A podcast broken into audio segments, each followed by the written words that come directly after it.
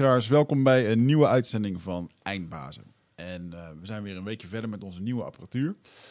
Het is nog steeds georganiseerde chaos, maar het, het, werkt. Het is nog steeds georganiseerde kamer. We kijken hier naar een, uh, een tafel vol met kabels. Uh, een regisseur die af en toe nog niet weet wat hij doet. ja, dat is onzin. Maar uh, we're getting there. Het wordt steeds professioneler. En uh, daarvoor moeten we onze sponsors bedanken. Dus um, bij deze wil ik eventjes beginnen met de sponsoren van deze podcast. En dat is totalseat.nl. Een website en showroom, specialist in massagestoelen. Wanneer is de laatste keer dat jij een massagestoel hebt gelegen?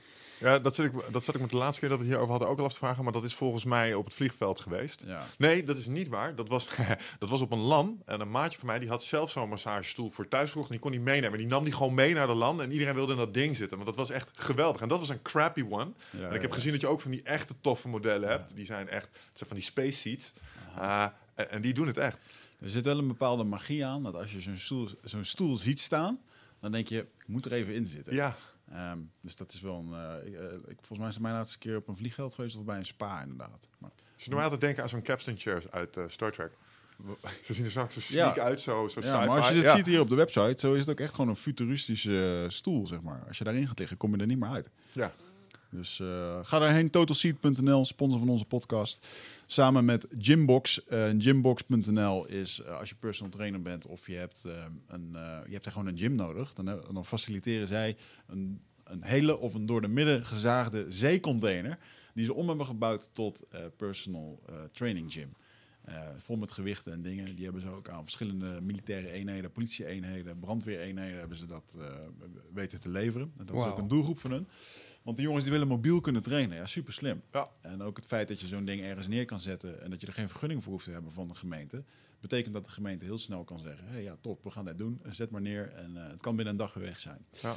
Dus uh, dat zijn de heren van gymbox.nl. Uh, ga er eens eventjes kijken op de, de website. voor alle luisteraars, kijk ook even bij ons op de website. Eindbazen.nl. Geef je op voor de nieuwsbrief. eh, tips van de week, succesrituelen. eh, en onze evenementen komen daar voorbij. We vergeten te vaak onszelf daarin te vermelden. Ja. Mijn god, wat ging het soepel. Je hebt het geoefend, hè? Ik heb heel de week hier. Ja, dat was te merken. Ja, Goed ja. gedaan, jongen. Uh, maar uh, dit is een stuk makkelijker dan de wereld uh, van de gast van vandaag, waar die in vertoeft. Vandaag hebben we Nico Meijering. Jij bent een van de topadvocaten van Nederland, strafrechtadvocaten. Um, je bent ook veel in het nieuws. Daar gaan we het vandaag ook over hebben. Um, ik denk dat de wereld waar jij je in begeeft, zoals ik er naar kijk, um, is dat een wereld die, en we hadden het er net voor, voor de uitzending al even over, een wereld die uh, ontzettend in beweging is en uh, waarvan ik denk van wauw, het wordt steeds enger, het wordt steeds harder. Mm. Um, en ja, laten we wel wezen, als er een, een, een topleague is van advocaten, uh, jij, jij verdedigt de heavyweights van ons land als het gaat om criminelen. Um, zeg ik dat goed? Is dat goed verwoord? Of kijk je daar zelf niet zo naar? Mm, nee, zo kijk ik niet. Um, uh, kijk, het is wel zo dat eigenlijk uh, mijn drijfveer, ik kan het ook passie noemen, en die heb ik eigenlijk al sinds mijn uh, middelbare schooltijd, misschien nog wel langer, is dat um, ik heel bezorgd ben, heb ik ook al een beetje met de paplepel ingelepeld gekregen. Bezorgd ben over een steeds meer oprukkende overheid. Uh, een staat die uh, steeds machtiger wordt en eigenlijk de burger steeds meer bedwingt. Uh, de laatste jaren een rechter, met name ons hoogste rechtscollege en Hoge Raad, die daar, die daar eigenlijk steeds meer maling aan heeft, of liever gezegd het allemaal prima vindt. De burger niet meer beschermd, nauwelijks meer beschermd tegen de overheid. En daar zit heel erg mijn, mijn, mijn drijfveer. En dan kom je eigenlijk, denk ik, dat is eigenlijk de hoofdreden van waarom ik ook terecht ben gekomen bij die, bij die grote zaken, waarvan men ook wel zegt van ja, daar zitten die heavy dudes in. Want daar gaat het er vaak om. Hè. Um, je ziet dat uh, bij, uh, ja, bij, bij een fietsendiefstal. Dat zijn eigenlijk allemaal bagatelzaken. En daar speelt het allemaal wat minder. Uh, dat de overheid steeds meer binnendringt in, in, in, de, in de levens van de burger. In die grote zaken zie je dat het uh, om iets gaat. Daar zie je ook dat uh, de burger, of sorry, de overheid steeds meer de grenzen opzoekt van wat ze, wat, wat ze mag. en daar ben ik juist heel erg bezorgd over. daar zit mijn drijfveer, zoals ik al zei. En als je daarin in je, je passie, je drijfveer hebt, en dan kom je in dat soort zaken terecht. Daar doet het er, daar speelt het heel erg. Ja. En eh, zo denk ik dat ik erin ben gerold. Ik heb wel eens een eh, bevriende advocaat van mij gevraagd van oké, waarom zou je iemand willen verdedigen die zo'n gruweldaad heeft misdaan? En die zei daarop, ja, het is niet zozeer dat ik de daad eh, verdedig, maar meer het proces eromheen dat iemand dus een eerlijk proces krijgt. En dat is volgens mij wat je nu net uitlegt. Ja, er eigenlijk nog meer. Hè. Het is inderdaad ook dat je ervoor zorgt dat iemand een eerlijk proces krijgt, maar vooral ook dat je een bijdrage levert uh, aan uh, de, de, feiten op een correcte manier aan de rechter te laten voorleggen. Want je ziet, met name in zaken waarbij er veel consternatie is, publiekelijk, dat het Openbaar Ministerie met grof geweld erin gaat. Um, alle middelen inzet die, die ze de laatste jaren, de laatste decennia heeft verworven. Um, en ehm, ja, weet je, dus je zorgt ervoor dat die feiten. En het betekent vaak ook dat ze met veel meer verwijten komen. Hè? Uh, als iemand, ik noem maar wat, van, van drugsdelicten verdacht wordt. Of als dat iemand uh, verdacht wordt van betrokkenheid, misschien wel bij een liquidatie. Dan wordt het gelijk aangezet. Dan gaat er een veel grotere uh, palet van beschuldigingen overheen. Dus je moet ook ervoor zorgen dat die beschuldigingen uiteindelijk. Ehm, worden teruggebracht naar uh, wat uh, de feiten daadwerkelijk opleveren. En, en inderdaad, je moet er ook voor zorgen dat, dat mensen ja, scherp blijven, dat de overheid. En daar kun je zo'n proces voor gebruiken. Je kan signaleren dat de overheid te ver is gegaan, zonder zoekingen naar binnen is gegaan. die, die, die, die PGP-telefoons, weet je wel, die zeg maar zo'n. zo'n weet niet of je dat hebt meegekregen. Er is gebruik gemaakt door vermeende boeven uh, van PGP-telefoons. Er is in Canada is er een grote server in beslag genomen. Dat is onder waar dus al die PGP's uh, eh, gesprekken op uh, terug te vinden zijn. Versleutelde gesprekken. Pretty good privacy, toch? Precies, PGP, ja. zo is het. Ja. Ja. En nou, dat is onder voorwaarde mocht, hè, mocht de Nederlandse overheid van de Canadese rechter die die, uh, die, die server meenemen. maar je ziet eigenlijk dat het hier uh, al die voorwaarden. Ja, ja. Um, Amahula, zegt de overheid. Oké, we gaan overal gaan we naar kijken. Dus nou, en zo zijn er talloze voorbeelden te bedenken waarbij de overheid veel te hard erin gaat. Ja. En je dus, ik zeg vaak ook, ik sta niet zozeer achter mijn cliënt, maar ik ga voor hem staan om hem te beschermen tegen die overheid. Ja. Mag, mag ik daar wat over vragen? Um, als je zegt de oprukkende overheid, uh, dat zal op een aantal fronten zijn. Nou, Eén hoor ik je al iets van zeggen, dat heeft te maken met uh, privacy uh, gerelateerde zaken. Wat zijn andere fronten waarop ze aan het, waar, waar, je die oprukking een klein beetje probeert te stelpen? Nou, kijk, als, als het gaat om, uh, om privacy, kunnen we inderdaad talloze gevallen kunnen we natuurlijk bedenken. Maar je vraagt nu naar een, een, ander punt. Nou, dat is bijvoorbeeld de kroongetuigen. Hm. Uh, kijk, in Nederland mag denk ik het meeste. Daar denken mensen wel eens over. Ja, in Nederland, weet je, dat. Uh, kijk, nou eens in, andere landen wordt, die criminaliteit veel harder aangepakt. Nou, het moet gezegd dat uh, de afgelopen 15 jaar heeft Nederland eigenlijk de overheid. Die heeft ervoor kunnen zorgen door middel van de politiek om uh, het meest uitgebreide arsenaal te kunnen krijgen om in te kunnen grijpen in de levens van burgers. Hè. Dat mhm. betekent uh, van afluisteren uh, van telefoons, wat in Nederland al het meeste gebeurde, meer dan in Amerika relatief en, en bijvoorbeeld België. Um, maar nu mag alles bij ons. Hè. Er mag gebruik gemaakt worden van undercover agenten. Um, nou, er mag gebruik gemaakt worden nu ook van, van kroongetuigen. Mm. En daar heb ik dan een hang-up mee. Dat is het meest uh, domme wat men heeft kunnen doen, omdat um, de mogelijkheid van een kroongetuige, um, zeg maar de zuiverheid van de bewijsgaring perverteert op een gruwelijke wijze, omdat het namelijk mensen aantrekt om te gaan liegen, want je krijgt een hele, je krijgt een fantastische um, tegenprestatie, je krijgt minder straf.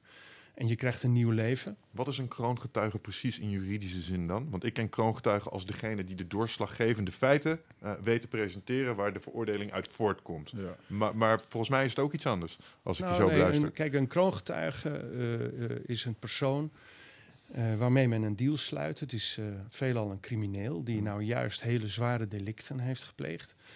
Tot nu toe, ik zit in alle kroongetuigenzaken die hebben gespeeld en die op dit moment spelen in Nederland. En het gaat altijd om mensen die moorden hebben gepleegd of daar een belangrijke bijdrage aan hebben geleverd. En je gaat met die mensen ga je in zee, je die, ga je, je geeft je een handdruk en je gaat zeggen ga zitten.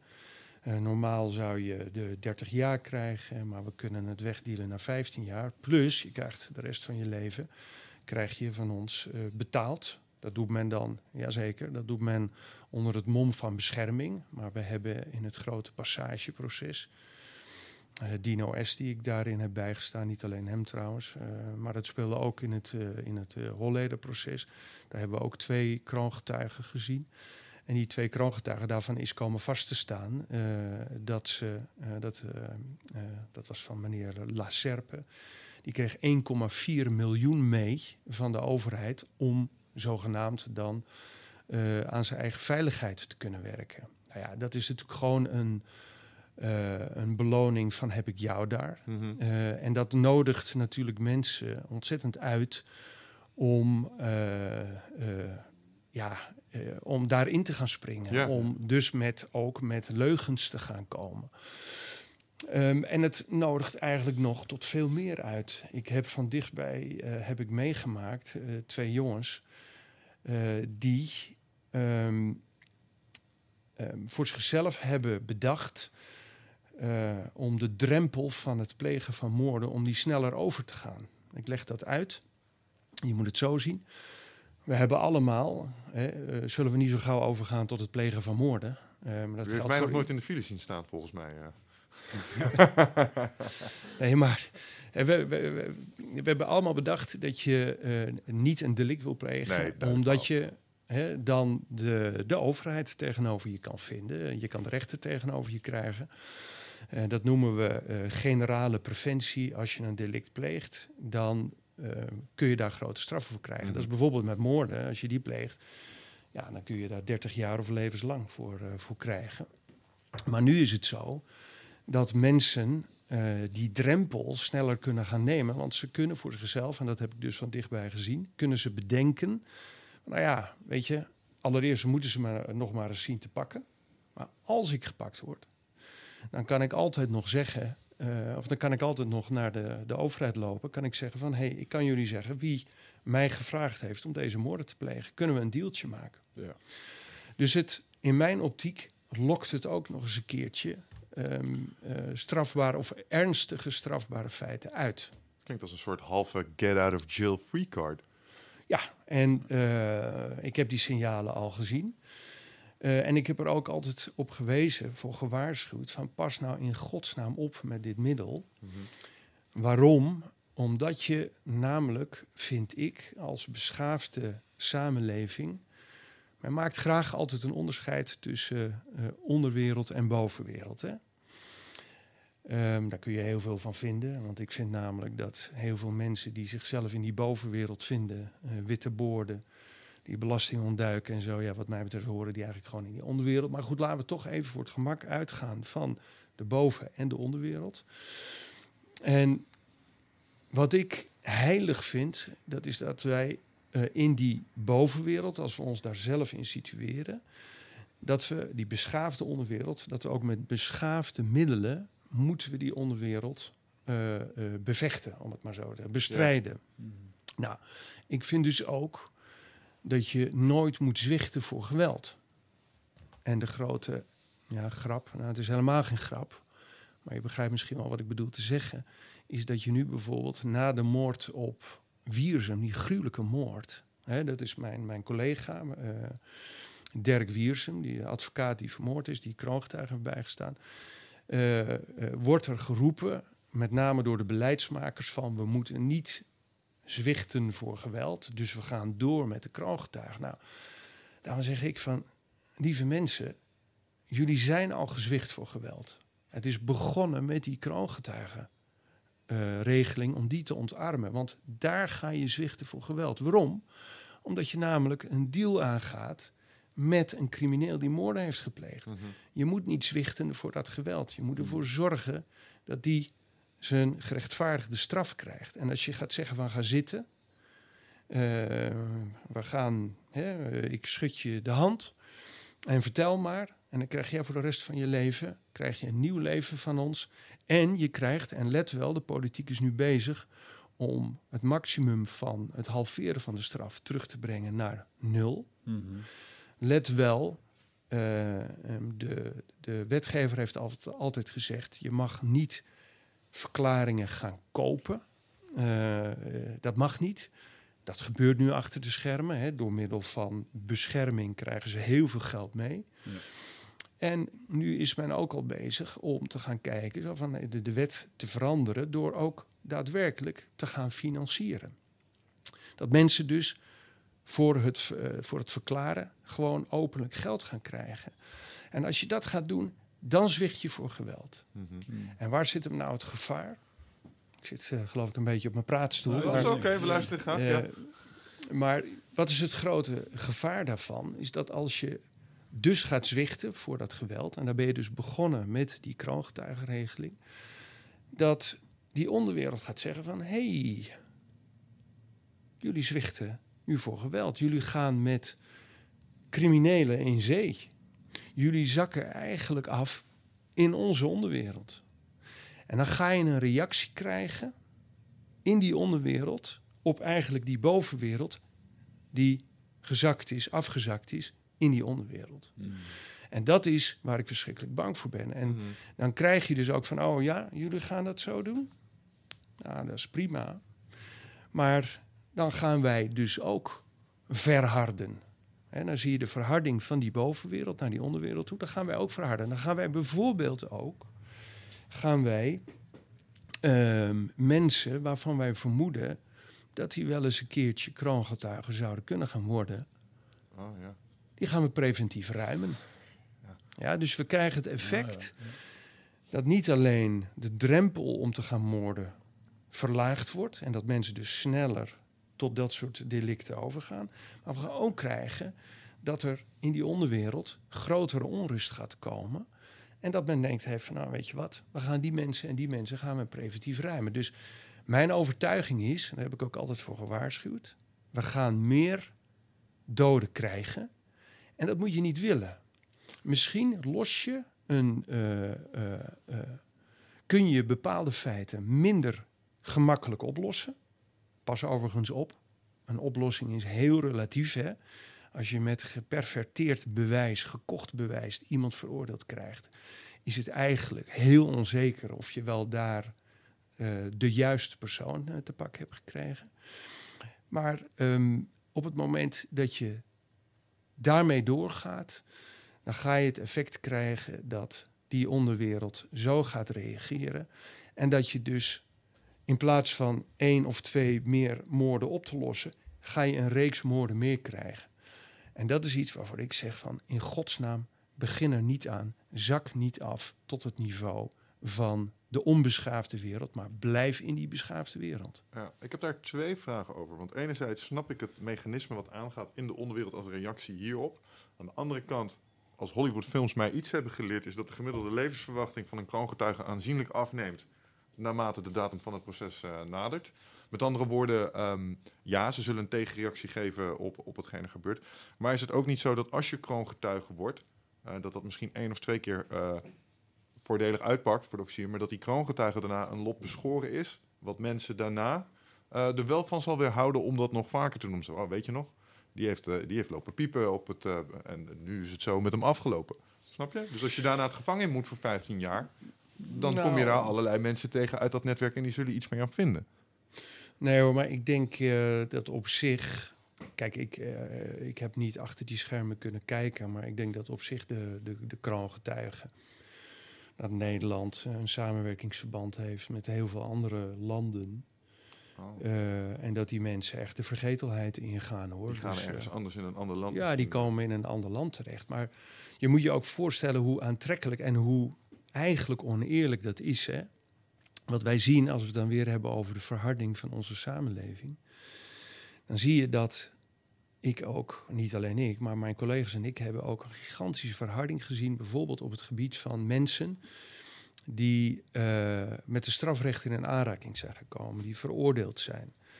Uh, vroeger, nou, horen hoor opa, maar hoe, lang? Ik doe het toch al 32 jaar. Ja. Uh, kon je, laat ik het zeggen, tot voor zo tien jaar geleden was het zo dat als je iets strafbaars had gedaan, dan werd je door de strafrechter werd je afgerekend. En dan kon je daarna kon je weer die samenleving in. De afgelopen tien jaar is het zo verhard dat mensen die één keer met de strafrechter in aanraking zijn gekomen, die, die, uh, daar gaat de helft van de deuren in de samenleving wordt hard dichtgeslagen. Mm. Mensen kunnen geen, uh, maar meer dan de helft hoor. Het hangt vanaf van het, van het feit. Je komt bij heel veel banen, uh, kom je niet meer terecht. Ja. Al helemaal niet meer bij de overheid. Je komt niet meer bij banken terecht. Je krijgt geen verzekeringen meer. Ja. En zo kan ik nog wel een tijdje doorgaan. En dat is dus een gigantische verharding. En mensen worden uh, niet afgerekend met even een gevangenisstraf. Mensen worden daarna worden ze pas echt afgerekend. Het stigma. Ja, en dat is wat heel veel, dat wat, wat de samenleving zich totaal niet realiseert. We zien een gigantische ellende, zien we van mensen die gewoon niet meer aan de bak komen. En die eigenlijk ook wel weer gedwongen worden om de criminaliteit in te gaan. Mm. En Weet je, en dan moet je dus voorstellen, nou heb ik met een paar kroongetuigen te maken gehad al, uh, bijvoorbeeld in het passageproces. Die twee gasten, die kroongetuigen, die hebben uh, werkelijk waar uh, zoveel op hun, op hun kerfstok. Mm -hmm. Moorden, afpersing, drugshandel, bankovervallen. Het zijn mensen die normaaliter totaal niet meer in de samenleving terecht zouden moeten kunnen komen. Uh, zoals al die andere mensen, die bijstandsmoeders, ja, die het soms uh, uh, verschrikkelijk moeilijk hadden, die nog wat bijklusten, ja, maar die voor fraude worden vervolgd, die komen daarna gewoon niet meer aan de bak. Mm -hmm. Die krijgen de overheid achter zich aan, mogen 100.000 euro, 200.000 euro gaan terugbetalen. Die worden verstoten uit de samenleving. Deze gasten, ja, die volgens de wetgever eigenlijk alleen maar de helft van hun straf cadeau zouden mogen krijgen. Maar daarna gewoon eigenlijk de samenleving in zouden moeten op een manier zoals ook die bijstandsmoeders toch mm-hmm. weer in zouden moeten gaan. Dunkt mij. Nee, die krijgen 1,4 miljoen mee. Die krijgen 80.000 euro per jaar mee. Die krijgen renteloze leningen mee van 300.000 euro om een bedrijf op te starten in een andere samenleving. Die krijgen 300.000 euro mee, renteloos. Moeten ze over 25 jaar terugbetalen. Haha. Weet je wel, het is, het is hilarisch natuurlijk. Mm. Om, uh, uh, wat was het? Om hun eigen bescherming te regelen.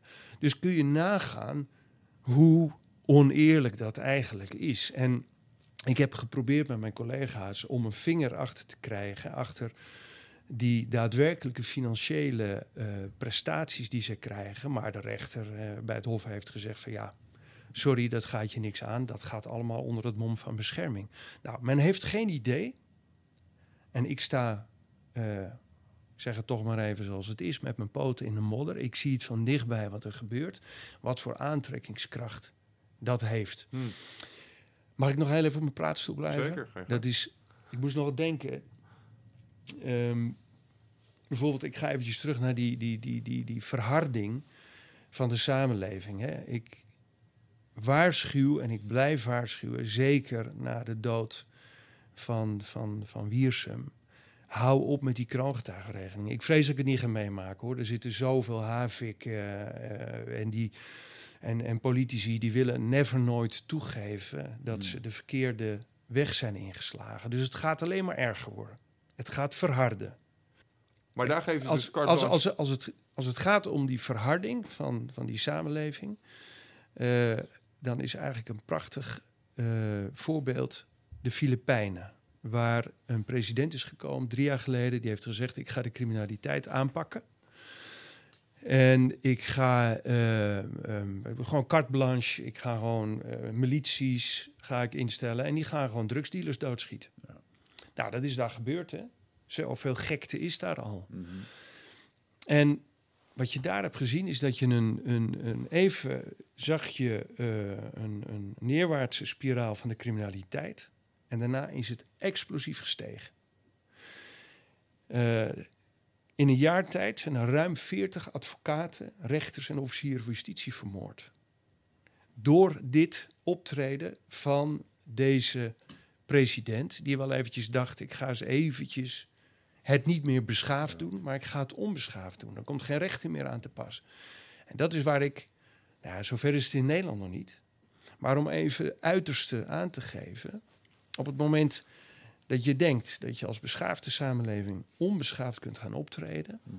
die onbeschaafde samenleving, die onderwereld, die, eh, nou, die zal dan wel reageren en die gaat veel harder terugslaan.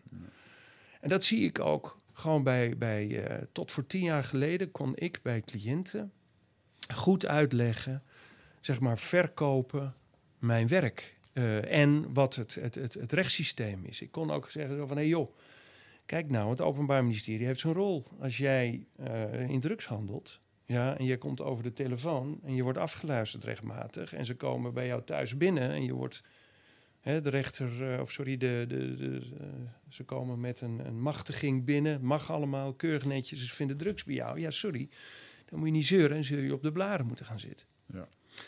Maar nu zie je dat het steeds moeilijker voor strafadvocaten wordt om uit te leggen aan onze cliënten van wat er in zo'n strafproces gebeurt. Mhm.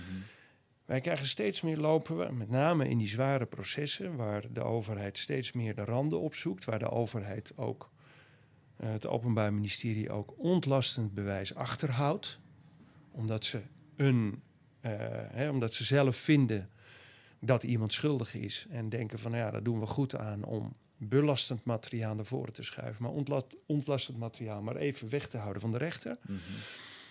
En als wij daar dan mee komen, als wij daar dan achter komen, het geluk hebben dat we erachter komen door hard te werken en dat bij de rechter presenteren, dan zien we dat de rechter zoiets zegt van ja, maar het ligt er nu toch? Dan is het toch hersteld, u bent er toch achter gekomen? Dan zeggen wij van ja, maar je moet het Openbaar Ministerie op zijn sodemieter geven. Ja. Je moet gewoon zeggen, weg met die zaak, we vertrouwen jullie niet meer. Dat doen rechters niet meer. De Hoge Raad doet het ook niet meer. Deden ze dat voorheen wel? Ja.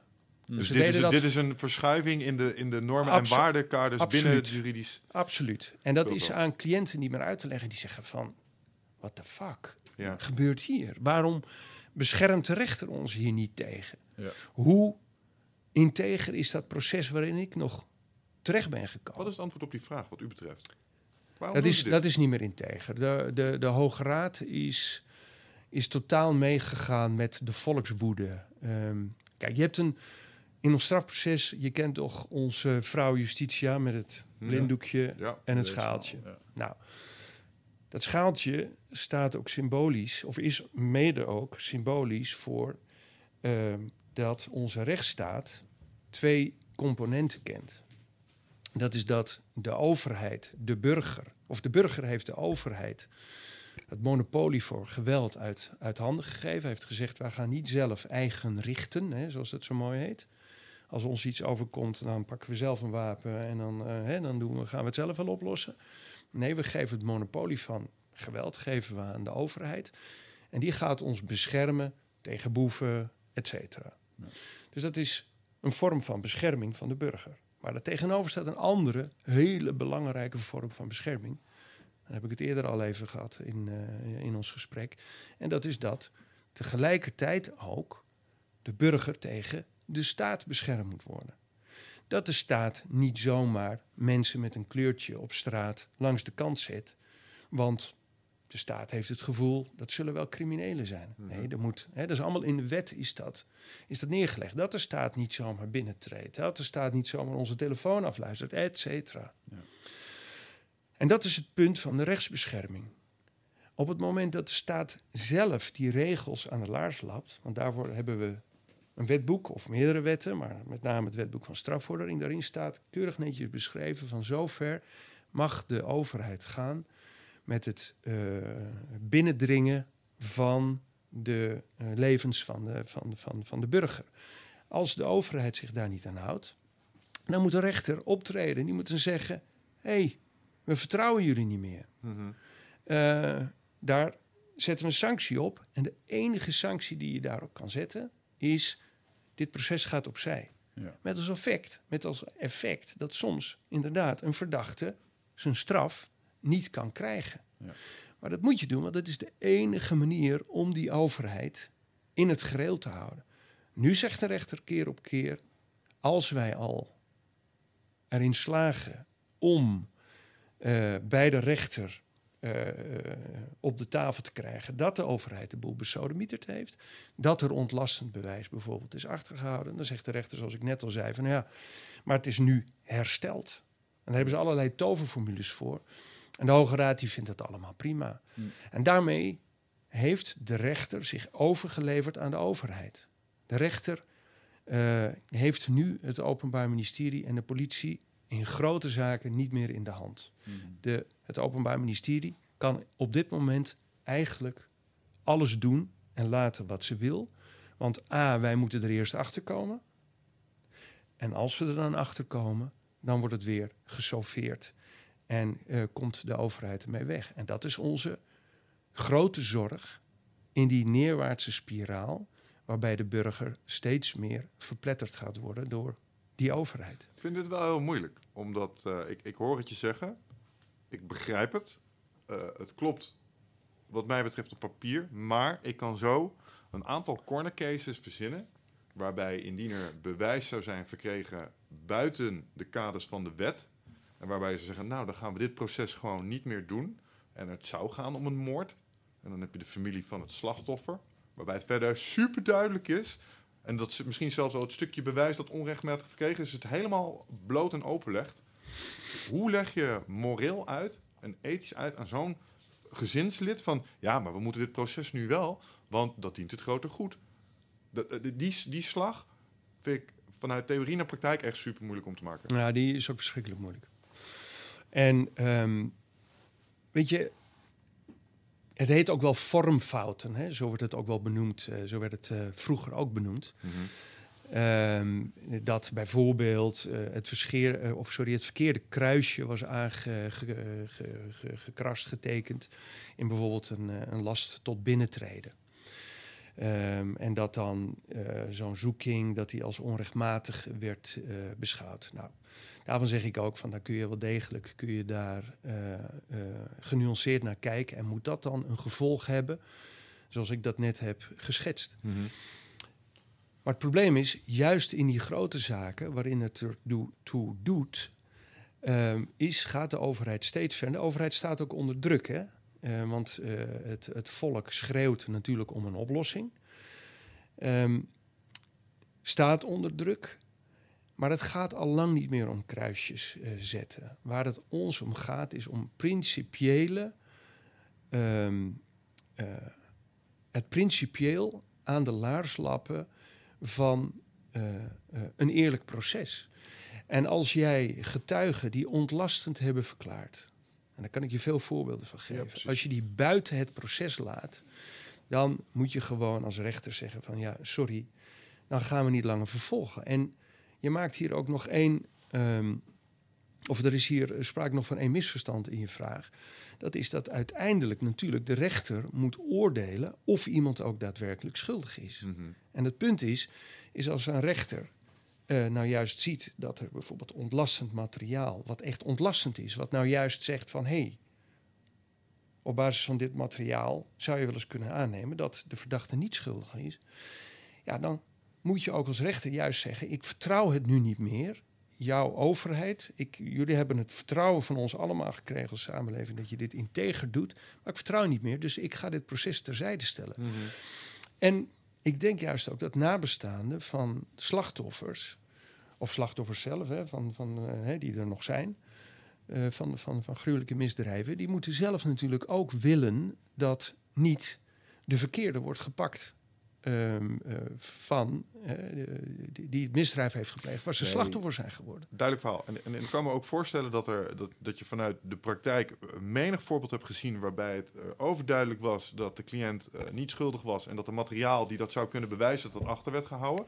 Is het geval de andere kant op. Maar misschien is er ook wel een situatie denkbaar waarbij mij iets is aangedaan en ik weet wie het zijn en die boys die komen vrij inderdaad omwille van een vormfout. Ehm, dat zijn de gevallen waar ik het dan expliciet even over heb. En wat ik, wat ik, als ik dan, dan over nadenk en doordenk... en je zou zeggen, ah, maar dat proces, dat zetten we nu aan de kant. En we gaan weer even terug naar het voorbeeld van de Filipijnen. Dat zou dat stukje vigilante justice, zeg maar... dat ik dan denk, oh, de rechtsstaat helpt mij niet. Ik ga dit zelf fixen. En dat is, eh, dat is inderdaad is dat manoeuvreren. Maar wat we nou juist nu zien, is carte blanche. Ja. De overheid eh, troot- eh, treedt niet, of sorry, de rechter treedt niet meer op. Hè. We hebben daarvan een, ook een, gaaf geval. ehm, een beetje een ingewikkelde zaak, maar dat gaat om dynamische verkeerscontrole, eh, die eh, met name in de grote steden eh, plaatsvinden. En waarbij er misbruik wordt gemaakt van controlebevoegdheden om auto's langs de kant te zetten, waarvan men eigenlijk vindt, hé, daar zit, kijk eens, daar zit iemand met een donker kleurtje, die heeft een gouden tand, en die heeft een, een veel te mooie auto, dus die zal wel crimineel zijn. Dan Mhm. doen we net even alsof we gaan controleren. Mhm. Hè, mag ik uw eh, rijbewijs hebben, maar ondertussen mag ik even kijken of u wel een eh, gevarendriehoek in uw auto heeft. En aha, er liggen drugs in die auto. Ja. Weet je, en dat soort gevallen, wat Dan zou je toch zeggen, het Dat- heeft gewerkt. Nee, maar dan zou je zeggen, het heeft gewerkt. Maar weet je wat hier het cynische eraan is? Als het nou inderdaad een keertje werkt, en in dat geval komt bij de rechter... eh, en ik kom zo wel op hoe de Hoge Raad hiermee is omgegaan... Mhm. Ehm, dan denkt iedereen zo van, ja, maar kijk nou, dat heeft daar gewerkt. Maar lieve mensen, 999 ke- eh, keer van de gevallen bleek het gewoon om iemand te gaan zoals jij en ik. Mhm. Die ten onrechte aan de kant is gezet. Die ten onrechte is meegenomen. Die ten onrechte waar een huiszoeking heeft plaatsgevonden. Die de rechter niet halen. Dat zien wij wel. Maar dat ziet de burger niet. En dat is nou precies het gevaarlijke. En daar moet nou juist de overheid van zeggen. En het gerechtshof heeft in een zaak van ons, waar mijn eh, eh, collega's Vlokstra en De Vries eh, voor hebben geknokt, die hebben ook gewoon open en bloot de politiemensen horen zeggen van ja, we hebben, we hebben daar misbruik gemaakt van de verkeersbevoegdheden die we hebben. Eh, omdat, we een, ja, omdat wij die auto zagen rijden en we zagen iemand zitten, nou zoals ik het net vertelde. En daarvan heeft het Hof gezegd van ja, nee, dat kan echt niet. Mhm. Dus wij gaan het bewijs, gaan we als niet recht, eh, rechtmatig verkregen, gaan we terzijde stellen en we spreken diegene vrij. En dat is een waarschuwing naar de overheid van jongens, doe nou gewoon je werk goed. Daarmee wordt voorkomen dat in ieder geval minder van die 999 mensen ten onrechte aan de kant wordt gezet. Mhm. En wat zei de Hoge Raad? Nee hoor, Eh, er werd toch naar het rijbewijs gevraagd. Dus het is toch goed? En ik weet ook van eh geleiden vanuit eh, binnen het Hof zelf, dat het Hof ook zoiets dacht van, van mijn god, weet je wel, dat de Hoge Raad dit onze uitspraak nu op deze manier van tafel veegt. Er wordt echt niks meer gedaan Mhm. aan rechtsbescherming. En dat is wat we op dit moment hebben. Wat de Hoge Raad doet, eh, huilt mee met de publieke opinie van harder aanpakken van die criminelen. Is dat de belangrijkste oorzaak Ja, dat is. van deze trend? Ja, dat, dat, dat kan haast niet anders. Nou, nee, er, er zijn ook wel mensen van de Hoge Raad die hebben gezegd van ja, het moet maar eens afgelopen zijn met het vrij uit laten gaan van die boef. Ja. En, eh, maar ik geloof niet dat de Hoge Raad zich realiseert hoeveel dat kapot maakt in de samenleving. Want dat zien ze natuurlijk ook niet in hun torentje. Al die ellende van die mensen die verbijsterd thuiskomen en zeggen van verdomme, ik, ben, ik heb eh, de halve dag heb ik op het politiebureau gezeten vanwege mijn kleurtje. Men realiseert niet eh, wat men daarmee kapot maakt. Ja. Daar waarschuw ik voor. Hmm. want u, we hebben, het- u bent dan voornamelijk bekend van de, de grote zaken. Ehm, maar het gros wat natuurlijk voor de rechtbank komt, is voor hele kleine dingetjes. En daar Ja. heeft u natuurlijk ook mee te maken. Toch? En dat zijn inderdaad eh, de, de vervelende gevallen waarbij iemand eh, een mooie auto rijdt die, die, eh, waar hij hard voor gewerkt heeft, toevallig een kleurtje heeft en inderdaad een halve dag op een politiebureau komt. Die zien wij komen, ja. ja, die ziet u ook voorbij komen. Ja, en het is echt een ramp om voor die mensen uiteindelijk hun recht te halen. Je moet daar zo lang voor eh, eh, eh, corresponderen. eh, ehm, Wat is, het Procederen. Recht, wat, wat is het recht wat daar nog in te behalen valt? Een excuses en een geldschade? ja, dat is dan wat je moet. En dan, nou ja, dan komt er 50 euro uit of zoiets. Bizar, ja. Of zegt het Openbaar Ministerie van ja, maar er was gewoon daadwerkelijk een verdenking eh, ja, die voortkwam uit eh, nerveus gedrag, eh, die voortkwam uit dat hij drie telefoons had. Hè, want dat is een indicatie dat je een crimineel bent. Pas op, lieve mensen. Pas ook op met meer dan 500 euro in je portemonnee te hebben. Want dat is een indicatie dat je, dat je crimineel bent. En zo kan ik nog wel een tijdje doorgaan.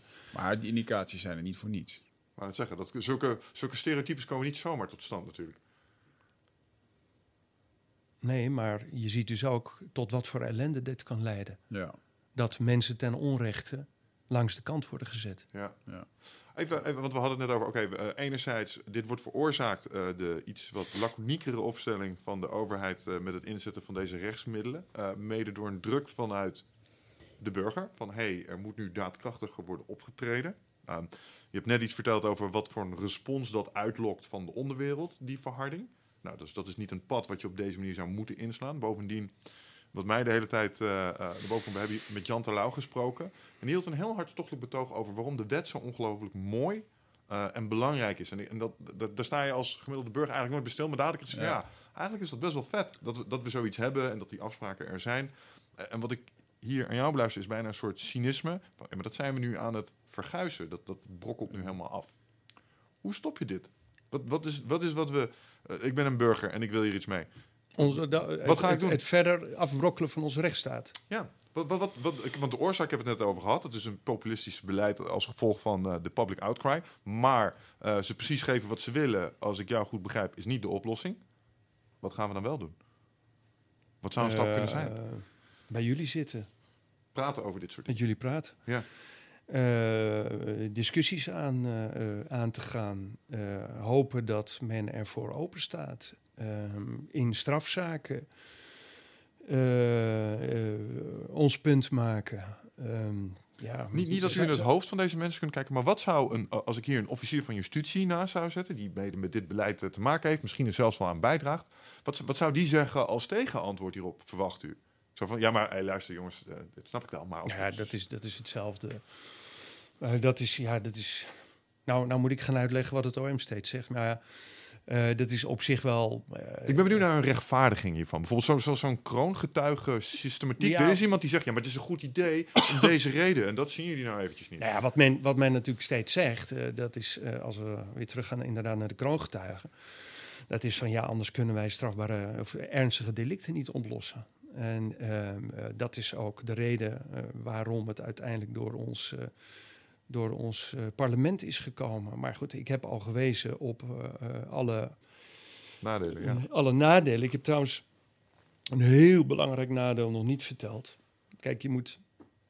Laat ik je, laat ik je nog eens wat, wat, wat, wat, wat anders voorhouden. Stel, je hebt een, een broer mm -hmm. en die is crimineel, een jongere broer verzin ik maar even, die is crimineel.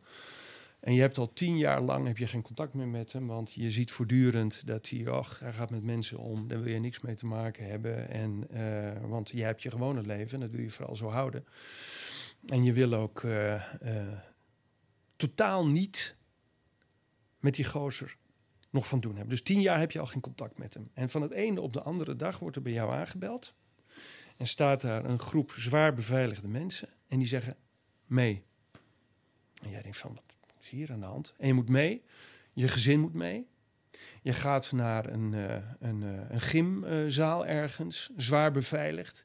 Je ziet ineens andere families van je daar aankomen. En er wordt jou uitgelegd, ja, uh, uw broer, de, moet u mededeling doen, maar uw broer heeft een deal met ons geslo gesloten, met de staat. En zeg je van, ja, een deal gesloten. En dan, ja, dat is heel erg gevaarlijk voor u. En u heeft al gezien, in een andere zaak, daar is een broer van de kroongetuige doodgeschoten. Is een advocaat doodgeschoten. Oh, ja. U gaat nu mee en u gaat in de beveiliging. En dan zeg je van, maar in de beveiliging, ik moet nu naar mijn werk toe. Kinderen van school halen. Ik ja. moet mijn kinderen van school halen. Maakt u zich geen zorgen, uw kinderen worden nu ook van school gehaald. Holy fuck. Dit gebeurt in Nederland? Dit gebeurt in Nederland. En dit is ook al gebeurd rondom de kroongetuigen in het zogenaamde Marengo-proces waar ik nu in zit, waar dus ook die advocaat in is doodgeschoten en Ja. waar ook die broer is doodgeschoten. Families eh, worden, worden in, vrijheid, of in, sorry, in veiligheid gebracht. En die mensen, Veiligheid. nou ja, in veiligheid. Ik, ik vertrouw er best wel op dat dat gebeurt hoor. Ehm, maar die mensen worden uit hun leven getrokken. Nou, dat bedoel ik. Je zit En- veilig in je leventje en op het ene moment zit je... Die worden, en het is dus even de overheid die met jouw broertje, waar je niks mee te maken wil hebben, want die heeft zijn eigen rotzooi veroorzaakt, Ja. even gaat bepalen dat jij uit je leven wordt getrokken, de rest van je leven, hè? Mhm. met jouw kinderen. Dus ik zou dan ook zeggen, hè, als, eh, ik zou direct als advocaat, eh, eh, kan je dat dan weer bedenken, zo van wat? Een kroongetuigenregeling? Even opdonderen met die kroongetuigen. Ik wil terug naar mijn leven. Nee, kan niet. Ja. Want wij hebben onze verantwoordelijkheid. Eh, de- Ja, maar ik ga terug naar huis. En dan zegt hij van, oh, oké, u wilt terug naar huis. Dan gaat u naar huis. En dan word ik Ja. misschien wel doodgeschoten. Dat allemaal dankzij dat systeem. Jongens, waar zijn we in godsnaam in beland? Ja. Ik zat met een paar officieren en rechters. eh, eh, sprak ik met een, eh, met een glaasje eh, op ook. En wij hadden ook die discussie. En zij gooien mij natuurlijk steeds voor de voeten. Ja, maar hoe moeten we het anders oplossen? En toen zei ik ook zo van, ja, weet je, eh, laten we nou eens anders aanvliegen. Als jullie nou, als het nou zo zou zijn, hè, dat die broer van die kroongetuige, als het zo zou zijn, ik weet niet uit welke hoek is dat gekomen, eh, uit welke hoek dat gekomen is. Hè, eh, waarom die broer is ver- vermoord. Iedereen roept weer van, nou, dat is die groepering. Mhm. Dat geldt ook voor die advocaat. Nou, dat is die groepering. Hmm. Ik weet dat niet. Ik weet hoe de hazen kunnen lopen. En het zou zomaar ook eens een keertje ergens anders vandaan kunnen zijn gekomen. Waarbij de timing nu misschien wel opportun was. Whatever. Ja, ja, ja. Maar wat ik wel zeg is van... Als jullie het nou zo goed weten dat het uit die hoek is gekomen... en je de film terug zou kunnen draaien... zou je dan nog met die kroongetuige in zee zijn gegaan? Hmm. Zou je hebben, als je had kunnen terugdraaien... dat die broer wat is overkomen, Mm. dat die advocaat is wat overkomen... en dan kijken ze me aan en zeggen ze... dat is, dat is vals, dat is gemeen wat je nu zegt. Dan zeg ik van, ja, maar Wel menselijk. dat is vals of gemeen... Ja, je hebt de zet op het bord gemaakt, weten dat dit Maar- eruit zou kunnen komen. maar- dus, Is dat het enige wat je kan zeggen, dat het vals of gemeen is? ja, nee. En nu worden er, dat lezen we allemaal in de kranten, 400 mensen worden erin gezet, gespecialiseerde mensen. En er worden gezinnen worden er beveiligd, rechters worden beveiligd, eh, officieren worden met be- geld. Mm. advocaten worden beveiligd, noem maar op. En dan denk ik van, mensen, dit is toch totale gekte waarin we zijn beland. En dat is de reden waarom ik al jaren heb gezegd van begin hier niet aan. Hou het bij een beschaafd systeem. Terwijl, eh, wat ik dan wel zit te denken, uw rol als advocaat zou kunnen zijn om iemand eh, zo min mogelijk in de gevangenis te krijgen. eh, misschien wel een nieuw leven te geven.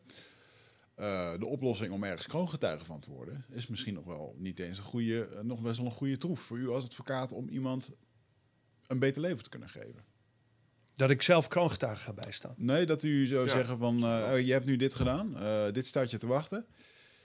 Maar eh, misschien eh, als je dit of dat gaat verklaren, dan eh, ziet het er beter voor je Nou, uit. dan moet je even naar onze site gaan. Ehm, Ben ik gisteren geweest. Ja, nou, daar staat op dat wij eh, eh, eh, principieel tegen ehm, eh, het fenomeen kroongetuigen zijn. Ah, vanwege die reden die ik trouwens hier net Ja. heb, of redenen die ik hier Ja.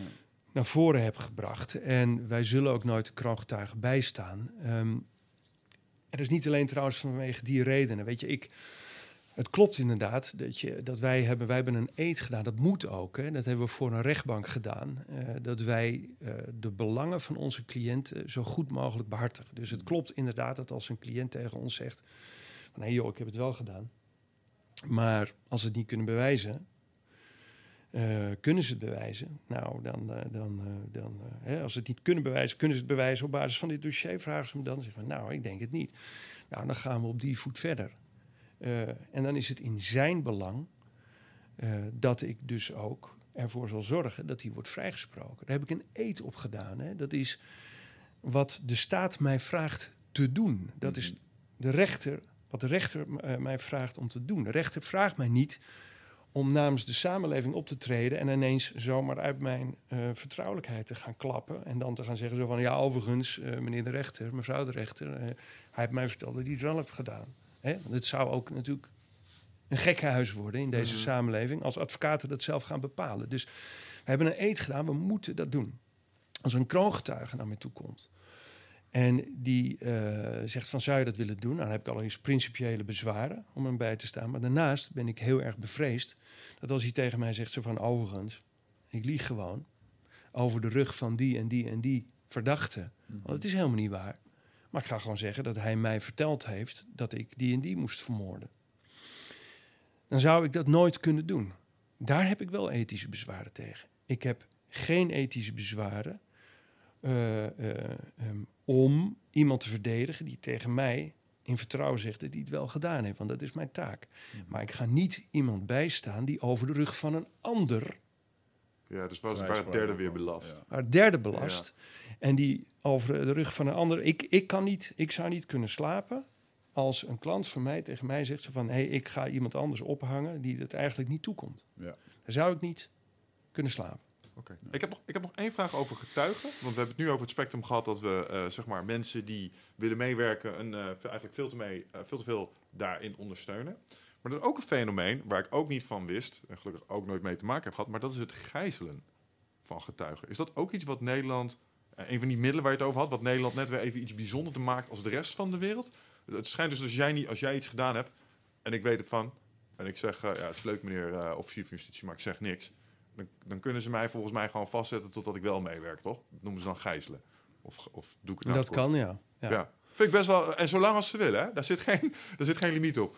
Nou, Ja, enerzijds vanuit de overheid denk ik, ja, als, als, als je iemand verdenkt en eh, je hebt goede aannames dat hij dat heeft gedaan, maar hij wil niet praten. Ja, en het is een gevaar voor de samenleving. als jij het hebt gedaan, maar als ik iets zou kunnen hebben gezien. Dus jij zit hier eh, in deze studio, run je ook nog op dark web een of ander uh, drugskartelletje. ja, oh, sorry, sorry, sorry. Dit kan het Nee, eh, en ik weet daarvan. En ze willen mij onder druk zetten, dan mogen ze mij toch gijzelen. Of heb ik dat juist? Kijk, iedere burger die, eh, die, die wetenschap draagt van feiten die van belang zijn om een, een, een strafbaar feit te kunnen oplossen, die kunnen inderdaad gedwongen worden om te verklaren. Ehm, eh, een voorbeeld is van de, de, de, de man of de vrouw met de hond die buiten eh, iemand, oh ja, of de hond uitlaat. Dan zeg je iemand uitlaat, maar de hond uitlaat en die ziet vervolgens dat er een inbraak plaatsvindt en die ziet een buurjongen hard wegrennen met een, een zak met. eh, ja, dan kun je in beginsel gedwongen worden om daarover te verklaren. Ja. Ehm, maar de rechter die is op zich eh, nog wel meegaand om te kijken van kan zo iemand gevaar lopen. Dus zo iemand zou eventueel onder omstandigheden ook nog wel anoniem gehoord kunnen worden. Maar het principe is wel zoals jij het net hebt aangegeven. Maar wat eigenlijk veel zorgelijker is, is dat we nu zien dat eh, er hier en daar rechters zijn die ook vinden dat journalisten zouden moeten gaan verklaren. En dat hebben we natuurlijk net aan de hand gehad met een, eh, met, met, ehm, eh, een journalist van, van, van de NOS, die met een, een, een bron heeft gesproken. Dat was Robert Bas, die, die, die journalist. En die ken ik als een zeer kundig journalist. En die heeft met een bron gesproken. Nou, die, eh, daarvan hadden ze telefoontaps. Waarvan ik al denk van hoe is het mogelijk dat de staat taps met een journalist die verschoningsrecht heeft. Ehm, iets anders dan overigens dan een advocaat, maar in beginsel ook, eh, je moet eigenlijk zeggen, bronbeschermingsrecht heeft. Die moet je niet te grabbel gooien in een dossier. En die moet je al helemaal niet laten komen bij een rechter. En een rechter moet al helemaal niet een journalist gaan gijzelen. Zoals dus eh, twee weken geleden is het geloof ik gebeurd, maar waar de rechter of de rechtbank, drie rechters in, eh, in Rotterdam, gelukkig korte metten mee hebben gemaakt. Maar ik ben zelf het, ja, ik noem het toch maar het slachtoffer geweest, dat het weinig heeft gescheeld tot twee keer toe. Dat ik ook bijna gegijzeld werd, Hmm. omdat eh, de rechter mij wilde dwingen om mij te laten praten over hetgeen ik tijdens mijn uitoefening van mijn beroep gehoord had. Je hebt precies als advocaat-cliëntverhouding. Dat is gewoon een advocaat-cliëntverhouding. En ik heb gewoon zelfs de plicht om te zwijgen. Hm. Eh, dat is zeg maar het, het verschil. Hè. En ik geloof dat journalisten die, eh, die hebben dat dus nog niet. Die hebben eh, bronbeschermingsrecht, noem ik het maar. Dus die kunnen dan niet gedwongen worden. Ehm, maar die zouden het wel ervoor kunnen kiezen om het te doen. En die maken zich daar niet strafbaar mee. Hm. Advocaten, artsen en geloof ik ook geestelijken, notarissen, Mhm. die kunnen zich, nee, geestelijk geld, daar geldt het volgens mij ook niet voor. Maar notarissen, die hebben, eh, die hebben nog eens een keertje de plicht. Dus niet alleen het recht om te zwijgen, maar ook de plicht om te zwijgen. Ja. Om namelijk niet eh, de cliënt die dat heeft, hè, die eh, jou in vertrouwen heeft genomen, juist omdat je de plicht hebt om te zwijgen. Mhm. Ehm, de plicht om daar niet over te, te verklaren. En dat is een strafbaar feit. En daar kun je dus ook nog eens een keertje straf voor krijgen. Hm. Dus als een rechter ook nog eens een keertje zo ver gaat om journalisten of advocaten te dwingen, ja, dan zie je dus weer het verdere afglijden en het hè, van onze rechtsstaat, maar ook het verharden van onze rechtsstaat komt Ja. dan in beeld. Als je nu kijkt naar, ehm, als ik me herinner, eh kroongetuigen en ik herinner me wat afleveringen van Peter R. de Vries, eh, waar ze zo'n kroongetuige gingen opzoeken in het, eh, in het buitenland, met die dan een zak geld had gekregen. Hm. Of wat vervolgens nog eens een keertje niet werd nagekomen door de overheid. Iemand die medicijnen nodig had. eh, die beveiliging, wat je net al noemde.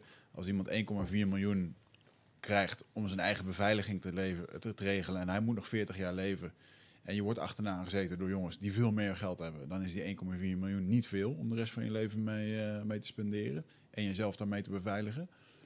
Ehm, volgens mij is het helemaal niet zo'n roos, rooskleurig leven om eh, het, het leven, door het leven te gaan nadat je het kroongetuigenproces hebt doorstaan.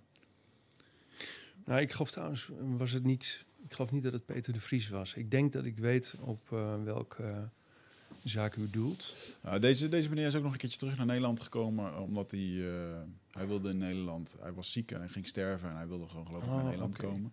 Die kwestie. Maar- Maar, dat, was niet een, dat was niet een kroongetuige zoals we die nu kennen.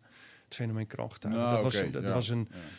eigenlijk een getuige die, eh, nou ja, Ja. eh, sta, als het me wel bij Hij staat, die in wel iets in, in bescherming zat, Juist. maar dat is niet de kroongetuige. Ja, en geloof mij, kroongetuigen, het Nederlandse systeem is wel zodanig eh doortimmerd dat jij, eh, kijk, en, en weet je, dat is vaak ook weer wat het OM doet, zo van de Meijering, die zegt altijd dat ze dan mooi aan witte stranden zitten. Dat is helemaal niet zo. Dat is ook helemaal niet wat ik zeg. Wat ik zeg is gewoon, je hebt iemand die moorden heeft gepleegd. Kijk, als je kijkt naar een land, zelfs een land als Turkije, hè, waarvan Nederland altijd de mond eh, vol heeft, zo van dat dat eigenlijk geen rechtssysteem is. In Turkije doet men dat niet. Als jij een moord hebt gepleegd, dan is het gewoon over en uit. Daar gaan we niet mee dealen. Snap je? Die gaan niet die, die, die, die grenzen over. Ja. En waar het mij om gaat is dat als jij criminelen die normaaliter eh, niet meer op een zodanige wijze terug in de samenleving zouden moeten komen dat ze een, een ruim leven hebben, maar gewoon inderdaad dan weer van het onderaf aan zouden moeten opbouwen.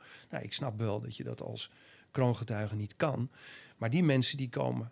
Omdat je dan natuurlijk, je kan niet als kroongetuige eh, gewoon ochtends weer eh, naar de bijstand gaan, je, je, hand ophouden. Dus je moet wel ergens naar een ander land, dat snap ik ook wel weer. Maar er wordt onder die paraplu van naar een ander land gaan en je eigen bescherming te mogen regelen, wordt zoveel geld meegegeven. Eh, dat zal ongetwijfeld niet aan witte stranden zijn, maar als het ook nog eens een keertje in landen is waar de euro, eh, hè, waar je met een euro veel meer kan, misschien wel tien keer zoveel kan of, of honderd keer zoveel kan, Ja. dan kunnen die mensen wel als God in, eh, in Frankrijk gaan leven. En dat weet, dat weet de Staten ook. En dat weten vooral ook die jongens.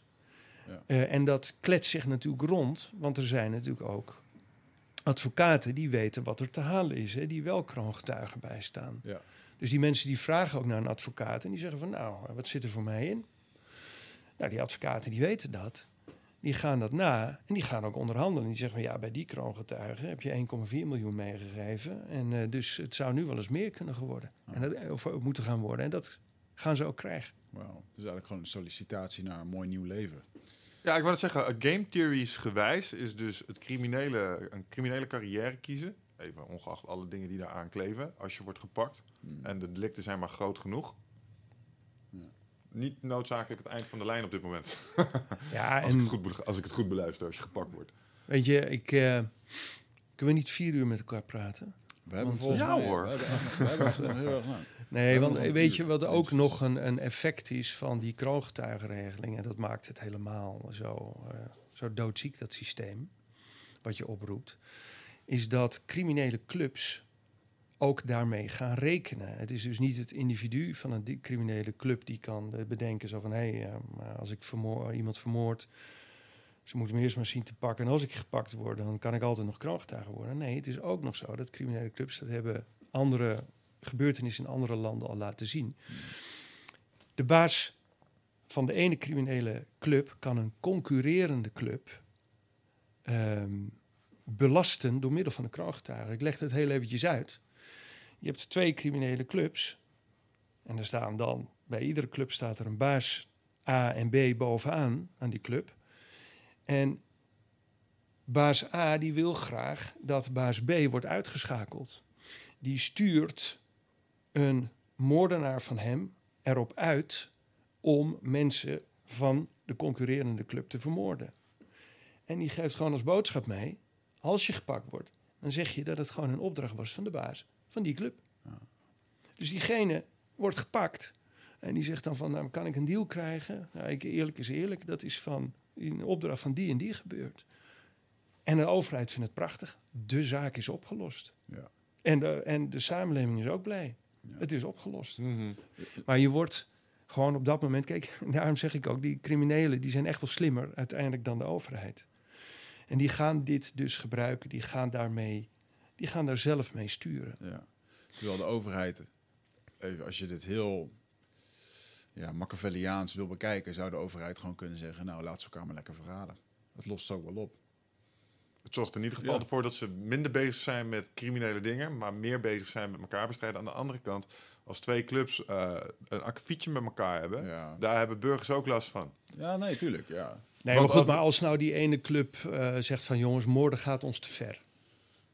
Ja. Maar drugs handelen en daar veel, veel verdienen, Hmm. dat is eh, daar... de hè, daar- Dat is ook, Maar moorden, daar ligt onze grens. Mm. En vervolgens wordt die baas van die club die wordt opgepakt op verdenking van moord. En dan komt de kroongetuige en die zegt, dat heeft hij me allemaal gevraagd. Ja. Weet je, dus, en dat gebeurt gewoon ook. Begin er niet aan. Hey eindbaas en luisteraar, dankjewel dat je zit te luisteren naar deze podcast. Ik onderbreek hem eventjes voor een hele belangrijke boodschap. Of misschien liever gezegd een uitnodiging. Want op 24, 25 en 26 mei, dan is er weer een nieuwe editie van Rite of Passage. Dat is mijn retreat voor persoonlijke ontwikkeling. En speciaal voor de mensen die op zoek zijn naar, ja, naar helderheid. Of dat ze lastig bij hun gevoel kunnen komen. Dat ze moeilijke beslissingen moeten maken. En dat ze zo ontzettend in hun hoofd zitten ja, dat ze er eigenlijk gewoon niet meer goed uitkomen. Of dat ze misschien al heel lang in een, ja, een soort van oud gevoel zitten. Dat ze dat gevoel willen transformeren. Of misschien wil je gewoon een oud stuk achter je laten. Ergens een punt achter zetten. En ja, zoek je misschien heling op iets wat, wat je te lang hebt weggeduwd of, of hebt vermeden. Daarvoor wil ik je uitnodigen op 24, 25 en 26 mei om in een retreat mee te doen waar de inhoud van het programma geheim is. Waar de belofte is dat het oncomfortabel wordt. Want jij begrijpt als geen ander dat als je die volgende stap wilt maken, ja, dan zul je uit de comfortzone moeten komen. En ik garandeer je, laat mij dat proces begeleiden met jou voor drie dagen. En je leven zal daarna nooit meer hetzelfde zijn. Gemiddeld beoordelen de deelnemers het met een 9,2. En daar ben ik ontzettend trots op. Er is ook een money back guarantee. Heb je de drie dagen vol, volbracht en vind je het niks, krijg je gewoon je geld terug. Dus het enige risico wat er is, is dat je gelukkiger kan worden. Ik zie je Bride of Passage. Ga naar wichertmeerman.nl en klik op Retreat. meedoen aan criminele clubs. Of aan kroongetuigen. Nee, allebei. begin niet aan die. eh, ja, begin zeker ook niet aan crimi- meedoen aan met, met criminele clubs. Ehm, maar eh, al helemaal niet eh, met kroongetuigen. Daar nog een vraag over. Want jij hebt denk ik eh, best wel wat mensen meegemaakt die uit de onderwereld komen. Ik denk dat er een bepaald profiel man, eh, denk ik hoofdzakelijk, wordt aangetrokken tot dat circuit. Ik, ik, ik, daar straks schreef ik op, je had het over de boven versus de onderwereld. En waar ik denk wat een grote verschil zit tussen die twee, tussen de white-collar criminal en de onderwereldcrimineel, is hun escalatieniveau. Ze zijn op een gegeven moment bereid om tot geweld over te gaan. Eh, sommigen zijn bereid om te slaan, anderen zijn bereid om te steken. Weer andere mensen zijn bereid om je huis in de fik te steken. En dat is typisch wat de onderwereld wel doet. En daar komt een bepaald, daar moet je op een bepaalde manier voor gebouwd zijn. Heb jij in al je 32 jaar contact met die wereld, je, je een beeld kunnen vormen over hoe mensen zo worden? Zijn mensen eh, de nature versus nurture discussie, zeg maar? Zijn sommige mensen gewoon inherent gewelddadig? Of zijn sommige mensen ook een beetje het slachtoffer van hun omstandigheden geworden? Een alcoholistische vader kan iemand best wel, um, nou ja, zijn norm en zo'n tik meegeven dat hij zich nooit meer als een normaal functionerend lid van de maatschappij zou kunnen gedragen. Gelet op het trauma wat hij met zich meedraagt. Dat is een manier van ernaar kijken. Sommige mensen zijn ook inherent psychopaat. Die, die, die Ja. vinden geweldig heerlijk. Ja. Heb jij daar iets van een patroon in kunnen herkennen? Nou, eigenlijk de patronen die je zelf nu aangeeft. Oké, dat is het. Eh, en dat is dat eh, je zeker zaken kan hebben waarbij je gewoon ziet dat het van het allergrootste belang is dat de rechter ook ehm, bekend wordt, en het Openbaar Ministerie natuurlijk ook als procesdeelnemer, bekend wordt met de achtergrond van de persoon. Hè, en dat heb je zedendelicten doe ik trouwens niet. Eh, ik kan er heel slecht tegen. Ehm, ik merk ook altijd als ik die dossiers lees dat ik eh, bemerk dat ik, dat, ik, eh, dat ik gewoon geen zin heb in zo'n zaak. Ehm, Walging. ja, eigenlijk wel. nou goed, kan ik je allemaal voorbeelden van geven waar Nou, ik dat liever niet niet, meer maar wil. ja.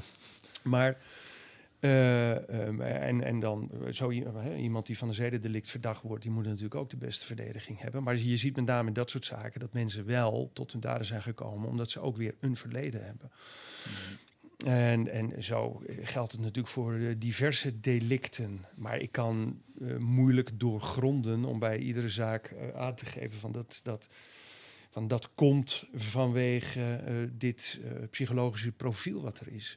Wat ik wel vind, wat, wat heel erg onderbelicht is, is dat ehm, eigenlijk de grens van 18 jaar ehm, voor het verantwoordelijk houden van iemand voor zijn daden, Mhm. dat die eigenlijk veel te laag is. Hmm. Als je gewoon kijkt, eh, ik, ik denk ook dat studies wel hebben uitgewezen dat hersenen pas ontwikkeld zijn op hun 25ste hè, Ja, van een mens. En eh, je had toch laatst, eh, of van de zomer, had je toch die jongen die in Hongarije, weet ik veel, was het niet een atleet? hè, die, Ah, eh, die die- drugshandel. een Ja, die drugs eh, is gaan handelen. Was volgens mij ook een jonge jongen. 21 jaar was het volgens Ja, die, weet je, en die wordt, die wordt volledig verantwoordelijk gehouden. Maar ik denk ook, jonge mensen, mijn, mijn, eh, ik praat een beetje mijn dochter en mijn vrouw na hoor. Dan moet ik wel zeggen, mijn dochter is psycholoog of die, is, eh, die, eh, Ja. die interesseert zich daar gigantisch veel voor. Mijn, mijn, eh, mijn partner ook. Die weten er veel meer van dan ik. Dus ik eh, klep ze een beetje na. Maar die weten ook als geen ander dat. ehm, en, je ziet het natuurlijk ook. Ik heb ook eh, kinderen van, van 26 en 22.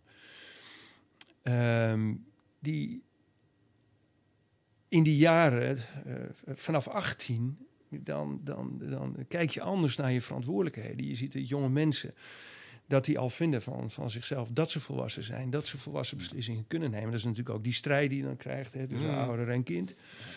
En vaak hebben ze trouwens ook wel gelijk hoor, of hebben vaak genoeg ook gelijk gehad in, eh, in die strijd of gelijk Dit, gekregen. dit moet hij zeggen, overigens, omdat ik inmiddels, ik heb voorkennis. Jouw familie, of in ieder geval je vrouw, die luistert mee. ja, die dus- luistert, dus eh, dit die, moet- die, ja, die, nee, ja. die is fanatiek uh, toe. Shout-out. Shout-out, zeggen, leuk dat je luistert. Eh, zeker. Nou, dat, dat is een soort ritueel bij haar. Als zij eh, eh, s ochtends eh, haar toilet maakt, heet dat toch, geloof ik. Ja, ja. Eh, eh, dan eh, dan eh, heeft ze jullie altijd opstaan. Ehm, maar ehm, kijk, om, om even kort te gaan, de hersenen zijn nog niet ontwikkeld. Het, je verantwoordelijkheid nemen als volwassene ligt dan een, een stuk genuanceerder tot je Mm. 25ste. En daar zou ik wel van vinden dat er veel meer aandacht in het strafrecht moet komen. Maar ik moet toegeven dat de zaken die ik doe, eh, de meeste verdachten zijn toch wel aanzienlijk ouder. Ehm, en de- ja, het, het zijn inderdaad de zaken waarbij eh, hardcore criminaliteit aan de orde is. eh, als het gaat om de verdenkingen die er zijn. En daarmee kom je iets minder snel bij, eh, bij dat soort eh, eh, richtingen, denkrichtingen. Ja, als je, oh, sorry. In wat voor eh, staat komt een, eh, komt een crimineel bij u? Want ehm, uiteindelijk eh, gaat u een crimineel die hard door de samenleving heen gaat, hard, gehard is door zijn omgeving, misschien ook wel hard moet zijn, eh, komt in zijn allerkwetsbaarste vorm bij u. Ja, Hoe, ehm, hoe ervaart u de eerste gesprekken? Stel, u krijgt een nieuwe casus waarbij echt een zware misdaad is gebeurd. Wat voor persoon zit er dan tegenover u? En in wat voor staat eh, zit hij? Nou ja, vaak in detentie natuurlijk. Ja. Hè, ze zijn gearresteerd. Want veel minder gebeurt het dat mensen eh, bij ons komen en komen vertellen van... joh, ik heb dit en dat eh, heb ik op mijn kerfstok en ik kan gearresteerd worden. Eh, dus je komt de mensen in detentie bezig. En mensen zijn dan vaak, of ko- kom je ze tegen, ehm, en vaak zijn ze gewoon ontredderd. Ehm, waarom? Omdat natuurlijk de wereld instort. Mhm. En dat maakt niet zozeer uit of je schuldig bent of onschuldig bent. Die wereld stort in.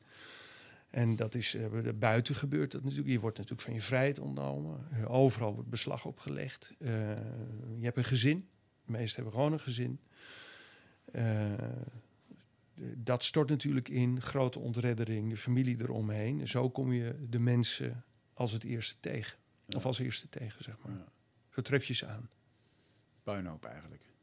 Ja, eigenlijk een puinhoop. En de kunst is dan om ja, ook eh, zodanig vertrouwen te wekken dat mensen ook en ook ze, ze aan te geven van eh, ehm, hoe het systeem gaat lopen. Ja. En wat wij voor ze kunnen betekenen op een zodanige manier dat ze ook eh, ja, weer even opgepept worden. Maar ik moet je wel eerlijk wel zeggen, terwijl ik dit zeg, kan ik je ook wel gevallen bedenken waarbij de klant mij oppept. Oh, Ja, maar hoe- hoe wat voor bravoure is dat dan? Die hebben Ja. vaker met dat beltje gehakt of zo. nee, ik, eh, waar ik op doel is dat als je in, de, in dergelijke zware processen zit en je zo vaak eh, eh, tegen, tegen deuren oploopt, waarbij je denkt van mijn god, weet je, hoe is het mogelijk dat Ja. het Openbaar Ministerie dit doet? Hoe is het mogelijk dat de rechter weer niet eh, eh, eh, optreedt? Ah, Eh, en ik moet weer naar die klant toe om ze gaan uit te leggen van... joh, en dat ze... ze- Hè, van, van, ja, het, het is niet anders, maar ik kan het eigenlijk niet goed uitleggen. En dat mensen dan... Dan, ben je, dan, dan, hè, dan, dan vrees je ook een beetje dat zij dan tegen jou zeggen van... wel verdomme, waarom, hè, waarom los je het niet op en hoe kan dit en zo. En het gebeurt ook wel eens dat zij dan tegen mij zeggen... joh, komt goed, we gaan gewoon door. En, eh, en Ah. dat zeggen ze dan tegen mij. Ja. Ja. Dus eh, dat, dat, dat gebeurt ook wel een. eh, Maar mijn ervaring is ook dat niet alle boeven per definitie slechte mensen zijn.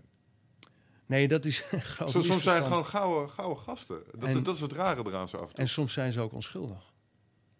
Ja, dat weet ik. Maar, maar er zijn ook wel mensen... Ja. Ik, ik Ah. ken mensen die waren niet onschuldig, maar het waren wel ja. gouden dudes. Ik wou zeggen, Ja. toen, wij, toen wij vroeger, op de, om, om het zo maar even te zeggen, op de free fight gala's Precies. omdat wij wegsportfans waren, daar hebben wij met mensen biertjes gedronken, gesproken, eh, die vervolgens vijf jaar later in een krant stonden omdat ze een hoop shit hadden gedaan Ja. en schuldig bevonden Ik heb met mensen koffie gedronken die jij vertegenwoordigd hebt uit die scene. Snap je? Ja, maar er zijn ook mensen die wel schuldig worden bevonden, maar veel minder schuldig zijn of worden geacht dan het Openbaar Ministerie inzetten. Mhm. Ja, dat moet je dus ook realiseren. Hè? Want Mhm. mensen die van de meest gruwelijke dingen worden verdacht, uit hun omgeving worden verstoten, uiteindelijk worden wel schuldig worden geacht, maar voor aanzienlijk minder delicten. Maar er is al zoveel kapot gemaakt door al die andere beschuldigingen, Ja. dat ze eigenlijk niet meer fatsoenlijk kunnen terugkomen. Dat is zeg maar het middensegment tussen het ene uiterste en het andere uiterste. En kijk, als jij nog even ehm, zo'n vraag stelt over zeg maar de, de, de, welhaast de persoonlijke band die je krijgt hè, met een Mhm. klant. Weet je, vooral bepaalde media, dat zien we vooral van de Telegraaf, die, die eh, eigenlijk al jarenlang ons, ons kantoor kapot probeert te maken. Ehm, en daar wordt wel eens ge- gepusht de stelling dat ik en mijn collega's dat we te dicht tegen de klant zouden opzitten. Mhm. Nou, dat is een, een, een hele vervelende en nare eh, beschuldiging, want daarmee wordt dus. Ik lees vandaag bijvoorbeeld eh, de column van John van de Heuvel weer, waarin hij eh, zelf zegt eh, dat ik eh, op de P-list zou staan van, eh, van eh, een, eh, een grote criminele organisatie. eh, die dan geleid zou worden door, eh, door die eh, me- meneer Taghi, eh, volgens de Telegraaf. Kijk, als je dat soort dingen doet, dat is natuurlijk heel beschadigend komt allemaal uit emotie voort hoor. Ehm, daar kan ik zo dadelijk ook nog wel iets over zeggen. Maar emotie van een, eh, van de Telegraaf van... Ja, de- met name van, van, van John van de Heuvel. Eh, ik heb het inmiddels wel echt ook wel eigenlijk met hem te doen, maar daar kom ik zo dadelijk nog wel even op terug. Maar even terug te gaan naar eh, zeg maar een persoonlijke band. Natuurlijk krijg ik niet, en mijn collega's ook niet, een band in de zin van dat je er te, te dicht tegenaan zit. Dat je op huwelijksfeesten komt, dat je meegaat op de boot, eh, dat je je laat vetteren. eh, wat, wat, wat mensen echt wel proberen. Hè? Je mee te krijgen op een, bo- op een boot, eh, Ja. op vakanties. Als ik naar het buitenland ga, ik ga nooit alleen. Ik ga altijd met een collega. Want eh, heel vaak word je in het buitenland word je, eh, aangeboden, worden je vrouwen aangeboden, als je begrijpt wat ik bedoel. Ja. Wat vaak ook nog in die cultuur, eh, excuseer, maar normaal tussen aanhalingstekens is. Nou, ik vind het uiteraard niet normaal en je moet er ook ver van weg blijven. En dat zeg ik niet alleen omdat mijn vriendin eh, nu meeluistert, Ehm, maar dat meen ik natuurlijk in, in alle oprechtheid. Maar ehm, wat wel zo is, is dat je een hele bijzondere, eigenlijk intieme band krijgt met een klant. Je moet je Mhm. voorstellen, je komt bij iemand waarbij de wereld instort. Ja. Stel je voor dat iemand van het meest gruwelijke wordt verdacht. Stel je voor dat je ziet dat het proces niet eerlijk wordt gevoerd. Dat je daar jarenlang een gevecht in gaat, dat levenslang op het spel staat. Dan krijg je een bepaalde band met iemand. Hè? Want je vecht samen voor iemands leven. Ja. In die tijd, eh, als je acht jaar bezig bent en je heel intensief met zo'n zaak bezig bent, dan gebeurt het ook wel eens dat je eh, eh, je klant laat weten van, joh, ik kan nou niet komen, want mijn moeder is erg ziek. Dan vraagt hij ook aan je, hoe gaat het nu met je, Ja, ja, met je tuurlijk. moeder? Ja, tuurlijk, ja. Weet je, dus je gaat soms ook wel eens een keertje de diepte in. In jouw, beetje in jouw privéleven. Hè? Of eh, van, nou joh, ik, kom niet, want mijn eh, dochter die krijgt eh, de, de bul uitgereikt. Ah, wat goed, want mijn dochter die gaat... Nou, weet je wel, dus Ja, je bent... tuurlijk. Maar probeer je in te denken, als je zo'n gevecht voert... en je loopt niet alleen op tegen de overheid, maar je loopt ook op tegen een krant die je voortdurend probeert in het criminele te trekken. Ja, dan krijg je een bepaalde vorm van, eh, van intimiteit. Hè? Niet verkeer, eh, verkeerd weer begrijpen. Mhm. Nou, het is een common enemy. En overal waar Ja, mensen en- samenwerken aan een gemeenschappelijk doel, krijg je verbroedering. Precies. En, eh, en dan is het ook zo, weet je, dat je zegt van als ik, hè, weet je, van, als u vrij krijgt, nou dan gaan we een keertje eten. Nou, dat is zo'n beetje de grens. Mhm. Dan gaan we bij, vlakbij kantoor gaan we dan eens een keertje eten. Ja.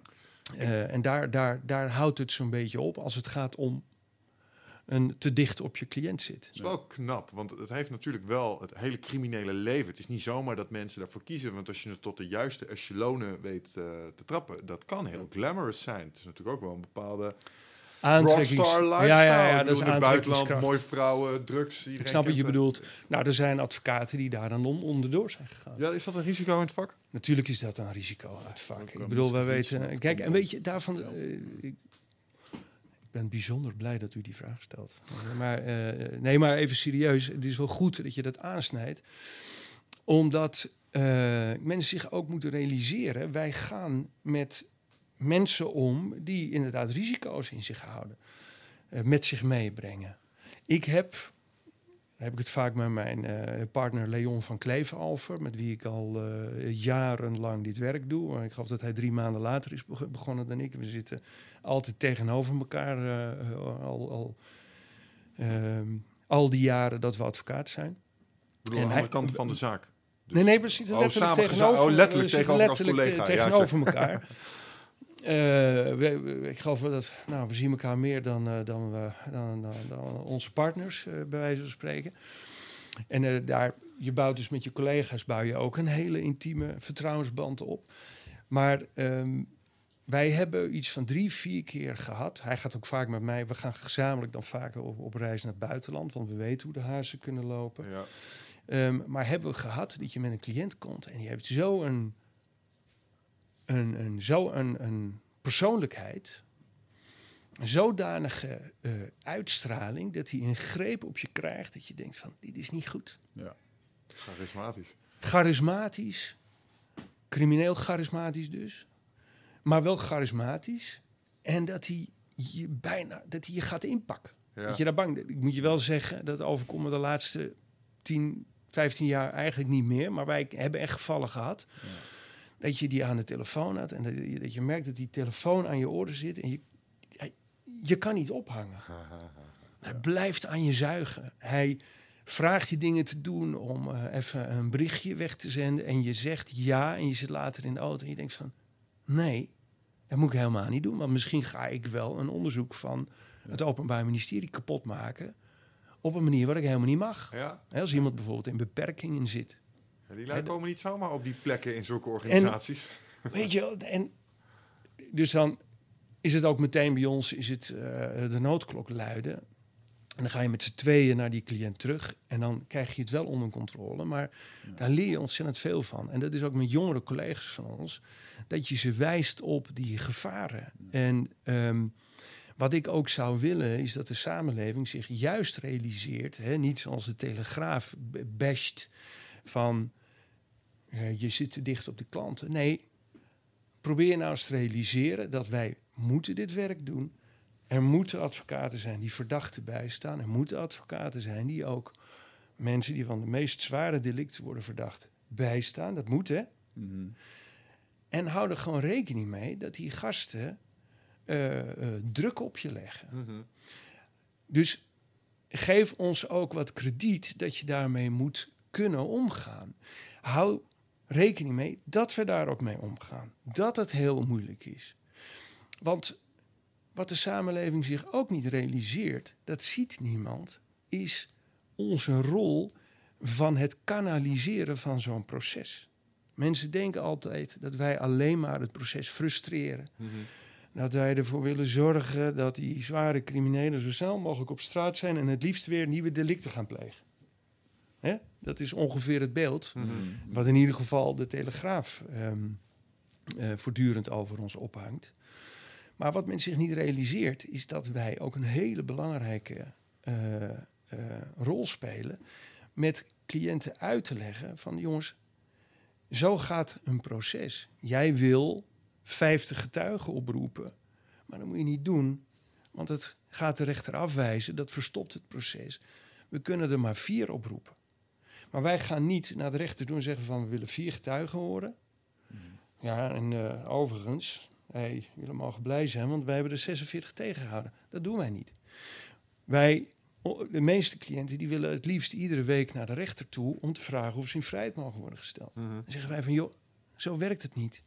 Zo kan het niet. Dan ga je de rechter ook irriteren. Je kunt er niet steeds. Dus wat ik wil aangeven, en zo kan ik weer uren praten. Wij kanaliseren zo'n proces ook. Wij kanaliseren de emotie van iemand ook. Die vertalen we naar eh, de zitting toe op een manier die handelbaar is voor een rechter. Ja. Dat weet men niet. Mhm. En daar is een hele belangrijke taak voor ons. En als men ook wil blijven bezuinigen, want wij doen het meeste prodeo-zaken, ehm, eh, op die, die, die, eh, hè, die, zeg maar die, die, die financiering, prodeo-financiering. Want wij pakken zoiets eh, van, eh, als je mazzel hebt, eh, 100 euro per uur. ja. Hè? Daar moeten, er gaan nog Dat is niet veel. Voor een advocaat zeker niet. heb een advocaat gehad, die kostte 350 om een Ja, eh, nou, oprichting 100 van een euro gemiddeld voor prodeo-zaken. Daar gaat 40% minimaal kosten vanaf. Mhm. Dan moeten we nog belasting betalen. Reken maar uit wat we overhouden. Ja. Je mag je ogen droog houden hoor. Want ik, eh, eh, het gaat allemaal nog eh, prima met mij. Ik Maar wil wat zeggen, de tranen van het gezicht aan het afvegen met de 100 Nee, dollar ik- eh, briefjes. Ik, ik, ik zie het, maar... Nee, maar als ze dat verder willen terugbrengen, dan houdt het gewoon een keer op. Maar ik denk juist dat dat ook... Dat heeft Teven ook eerder uitgesproken. Hè? Dat is echt zijn bedoeling ook. Ik, ik heb een citaatje van hem meegenomen. En Om Help die, ons eh, even met meneer, wie is meneer Teven? Meneer Teven, onze voormalige eh, staatssecretaris, is Mhm. hij, nou, hij is geen minister geweest. Officier van Justitie, crimefighter, hij is ook Mhm. staatssecretaris geweest. En die heeft, eh, ja, die heeft een, een opmerking. Ik, heb hem, eh, ik zal hem zo dadelijk eventjes eh, benoemen. Maar voordat ik mijn eigen draad... Ja, ik probeer mijn draad weer eventjes op te pakken. Dat, hou ook rekening met het feit dat wij kanaliseren. Dat we met moeilijke klanten van doen hebben. Dat we soms risico lopen. Heb daar meer begrip voor. Ehm, En dat is eigenlijk wat ik eh, hier ook wel weer zou willen uitschrijven. En plaats ons niet voortdurend in die hoek van eh, alleen maar eh, maffia, advocaat, eh liquidatieadvocaat eh, en et cetera. Ik heb daar een, een vervolgvraag op, want dat vind ik mooi wat je zegt. Irriteer de rechter niet. Kanaliseer dat eh, wat de cliënt wil eh, naar die mensen toe. Ehm, rechters zijn ook gewoon mensen. En dat, dat vraag ik me wel af. Want eh, eh, iedereen heeft wel eens van die eh, films gezien over rechtszaken. Mm. Eh, en wat is het mooiste uit die films? Het pleidooi. En wat daar met name wordt gedaan, is wordt een emotioneel, rationeel, maar ook emotioneel en een beetje theatraal beroep gedaan op een ju- jury. Nou, in Nederland werkt dat iets anders, daar hebben de rechters. Hoe belangrijk is, want je had het er straks over de juiste presentatie van feiten. Hè, dat is een belangrijk onderdeel van jullie werk. Hoe belangrijk is die theatrale presentatielaag tijdens het pleiten? Ik heb een, eh, eh, een eh, het is geen strafadvocaat, het is, maar, maar mijn, mijn buddy Remco is ook advocaat en die oefenen soms pleidooien omdat ze gewoon weten, hey, dit moet een soepel verhaal worden en dit is een complexe zaak. Dus we lopen dat even door, want het moet er goed uitzien. Want dat, dat telt mee. Hoe belangrijk is dat wat jou betreft in het daadwerkelijk het positief beïnvloeden van een uitspraak? Is dat een component erin? Nou, ehm, in de eerste plaats qua oefenen. Dat heb ik nog nooit in mijn leven gedaan. Er zijn wel advocaten die voor de spiegel gaan oefenen. Maar ik denk dat eh, juist het momentum, daar moet, het, eh, daar moet je het gewoon van hebben. En eh, het ene, de ene keer doe je dat veel beter dan de andere keer. Ik ben wel eens ongesteld, ook. En dat ik niet, eh, ja, in de zin van, van dat ik niet. eh, mannen kunnen volgens mij ook ongesteld Ja, zijn. ja, dat heet eh, IMS, Irritable Male Syndrome. Dan heb Ja. je een dal in je testosteronlevel. kun je googlen? Ja, kun je googlen dit. Dank ja, je. Ja, ja, Oké, ja. top. Maar eh, eh, ik, heb, wel- ik heb wel eens gehad dat ik bij een, een rechter was en de- ik kwam gewoon niet meer uit mijn woorden. Ja. Dat was, eh, ik zal het nooit vergeten. En ik had, ik had een klant die, eh, nou, die ken ik al heel lang. En ik, ik probeerde te formuleren en ik zei op een gegeven moment van, eh, ik, ik hou op, want ik kom niet meer uit mijn woorden. Ja. Eh, en volgens mij ga ik het alleen maar erger maken. En dus, mijn cliënt die keek me, die eruit zich om, die keek me ook aan. En die, de rechter deed toen een uitspraak en zei van, nou, ik hou rekening met het feit dat uw advocaat minder in vorm was. En ik zal daarom iets lager straffen. Dus soms, dus soms kan het ja, iets lager straffen. Dus Ja, nee, maar dus desondanks dat hij toch kan even nodig vond om het te benoemen, zal niet leuk zijn geweest om te horen. Stel ik me zo voor. Nou, het heeft geholpen, want hij heeft wat Oh, was- lager, was- hij heeft wat ja, lager ja. gestraft. Maar kijk, nee, maar eh, wat ik wil aangeven, natuurlijk is de presentatie is verschrikkelijk belangrijk. En ehm, ik zeg daar weer wel bij dat de Nederlandse rechter eh, wel weer zo, zodanig goed is. Want eh, hè, tot nu toe ehm, heb ik, misschien komt het een beetje over als een horrorverhaal, dat ons hele systeem in elkaar sodemietert en dat er niks meer van over is. Maar we Tikje. Ja, het kwam wat cynisch over. ja, maar we mogen nog steeds heel erg blij zijn met het systeem zoals we dat in Nederland kennen. En vooral ook de rechters ehm, die we hebben, het Openbaar Ministerie ook. Mhm. Want mijn cynisme komt met name voort uit die grote zaken. Ja, helaas Ja. ben ik met name in die grote zaken actief. Maar we hebben natuurlijk nog steeds een, eh, een rechtssysteem wat zeker is vergelijkbaar met, vergelijkbaar, eh, met andere eh, systemen. Hè, daar mogen we eh, onze, op onze blote knietjes voor danken of dankbaar zijn. Maar ik denk dat rechters, ehm, ja, weet je, die, die, die prikken wel ook wel weer heen door de manier van verkopen eh, die een advocaat wil doen. Eh, Ja. Wat wel zo is bij ons, kijk, ik ben een heel slecht acteur. Dus ik denk dat een rechter bij mij meteen er doorheen prikt. Ja. als ik zou willen gaan acteren. Ehm, en wat wij met name ook onze jongere advocaten meegeven, dat is praat geen poep. Eh, praat geen onzin. Er zijn zat advocaten die met dure pakken, eh, met, eh, met grote vastgeleaste auto's en met hele mooie inboedels van, van Louis XVI of god mag weten wat, indruk proberen te maken, ook op cliënten. En dat kom maar een keer bij ons op kantoor. Eh, zo proberen wij geen indruk te maken. Probeer met argumenten je verhaal neer te zetten. Rechters die prikken er doorheen als jij met onzinverhalen komt. Als Mm. jij vindt dat je cliënt moet worden vrijgesproken omdat één getuige eh, niet jouw cliënt heeft herkend, eh, terwijl er twintig andere getuigen zijn geweest die jouw Mm. cliënt wel hebben herkend. Maar dat je het dan voor je cliënt doet. Of dat je met, eh, met dure, onbegrijpelijke prietpraat indruk maakt eh, op de buitenwereld, eh, waardoor je misschien vast wel nieuwe cliënten krijgt. Of jouw cliënt hartstikke blij is met, eh, met jouw chique geklets. Mhm. Maar rechters prikken daar doorheen. Ja. Dus ja, ik, eh, het is heel erg belangrijk. En je mag zeker ook punten maken als advocaat. Als je bang bent eh, van ja, heb ik hier wel voldoende argumenten. Eh, maar ik ga het toch gewoon proberen. Dat mag, maar ga geen onzin eh, Hmm. praten. En dat is wat wij wel proberen onze cliënten mee te geven. Duidelijk. Mag, ik nog even terugkomen op het... Ah, sorry, mijn collega's mee te geven. Hmm. Mijn jongere collega's.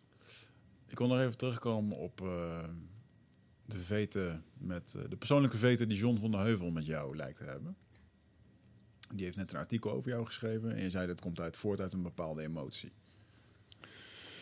Ja, ehm, het wordt wel eens eh, lacherig gebracht als een soort fitty eh, die, er, eh, ja, die er zou zijn. Maar het is wel serieuzer dan dat hoor, inmiddels. Ehm, en ik vind ook dat, kijk, John van Heuvel zit in een hele moeilijke positie natuurlijk. Hè. Hij zit in zware bescherming. Ehm, en ik uh, veel respect ervoor dat hij vanuit die positie uh, moet werken op dit moment. Zou je dat kunnen toelichten? Voor mensen die niet weten. Ja, nou hij. Uh, ja, ik wou zeggen. nee, nou goed, hij zit al nou, lang. Ik denk misschien wel twee jaar in, zit hij in bescherming, omdat er kennelijk sprake zou zijn van een dreiging op zijn leven. Hmm. En dat zou dan weer zijn vanwege stukken die hij heeft geschreven. En dat is natuurlijk buitengewoon droevig. En, uh, maar het is wel zo dat wij uh, zien, en dat is eigenlijk al sinds 2007, um, uh, nadat wij maar op een gegeven moment namens cliënten zijn gaan procederen tegen de Telegraaf, is hij op ons gaan besje. En dat is hij op een hele gevaarlijke manier gaan doen. Um, hij heeft uitspraken gedaan waarbij hij volstrekt ten onrechte, bijvoorbeeld in het grote passageproces, heeft gezegd dat ik zou hebben gezegd dat Holleder achter moorden zou zitten. En waarbij hij uh, ook nog eens een keer uh, in zijn column had geschreven van daar zal die neus blij mee zijn of iets dergelijks. Heeft hij toen gezegd. dat is gewoon regelrecht aanhitsen van Holleder tegen mij destijds. Um, er zijn nog andere gevallen, talloze gevallen zijn er bekend, waarbij hij vrij onlangs nog. Uh, jullie zijn misschien bekend met, ik vertelde eerder al iets over PGP-berichten, mm -hmm. die allemaal telefoons, telefoonberichten tussen vermeende criminelen die naar buiten zijn gekomen, bij justitie terecht zou zijn gekomen. En hij wilde toen gaan schrijven dat dat eigenlijk door ons kantoor kwam, dat wij verkeerd zouden hebben geadviseerd. Um, uh, wat heel erg gevaarlijk is, hè, want er zijn heel veel mensen boos over het feit dat die uh, berichten naar buiten zijn gekomen. Ja. En wij zouden, dan is een beetje een lang verhaal hoor, maar wij zouden dan uh, iemand die betrokken is bij, geweest bij het opzetten van dat systeem, zouden wij verkeerd hebben geadviseerd en wij zouden hebben gezegd van. Uh, je moet het wachtwoord maar aan justitie geven. Nou, dat hebben wij nooit gedaan. En dat uh, dreigde hij op te schrijven. En toen heb ik gezegd, dat moet je niet doen, want het is levensgevaarlijk. Want dat hebben wij niet gedaan. Um, en ik heb hem toen ook uh, gezegd van, als je dat gaat doen, dan ga je een kort geding aan je broek krijgen. Nou, hij raakte toen weer zodanig geëmotioneerd dat ik om tien uur s'avonds ineens een bericht kreeg. En dat was, zit je aan de snuif of zo? En wat je voortdurend ziet is, uh, is, is gigantische emotie, emotie, aan zijn kant. Heeft natuurlijk ook te maken met dat uh, de Telegraaf zelf vindt. Um, uh, ik weet helemaal niet of dat zo is. Maar dat die organisatie van Ridouan T, die vermeende organisatie, ik weet niet of er sprake is van een dergelijke organisatie. Uh, dat die ook achter een aanslag zou zitten op de Telegraaf, um, achter uh, de, de, de, de, veiligheidsdreiging, achter de dreiging op Van de Heuvel zou zitten. Dus er zit heel veel emotie. Um, en dan zie je dus ook dat als ik afgelopen week namens een cliënt uh, bekend maak dat mijn cliënt een belastende verklaring heeft afgelegd over de kroongetuigen in dit proces, die de kroongetuigen wel eens eh, hè, als het allemaal waar blijkt te zijn. Ik geloof erin dat het zo is. Maar het moet allemaal inderdaad nog wel rechtens komen vast te staan.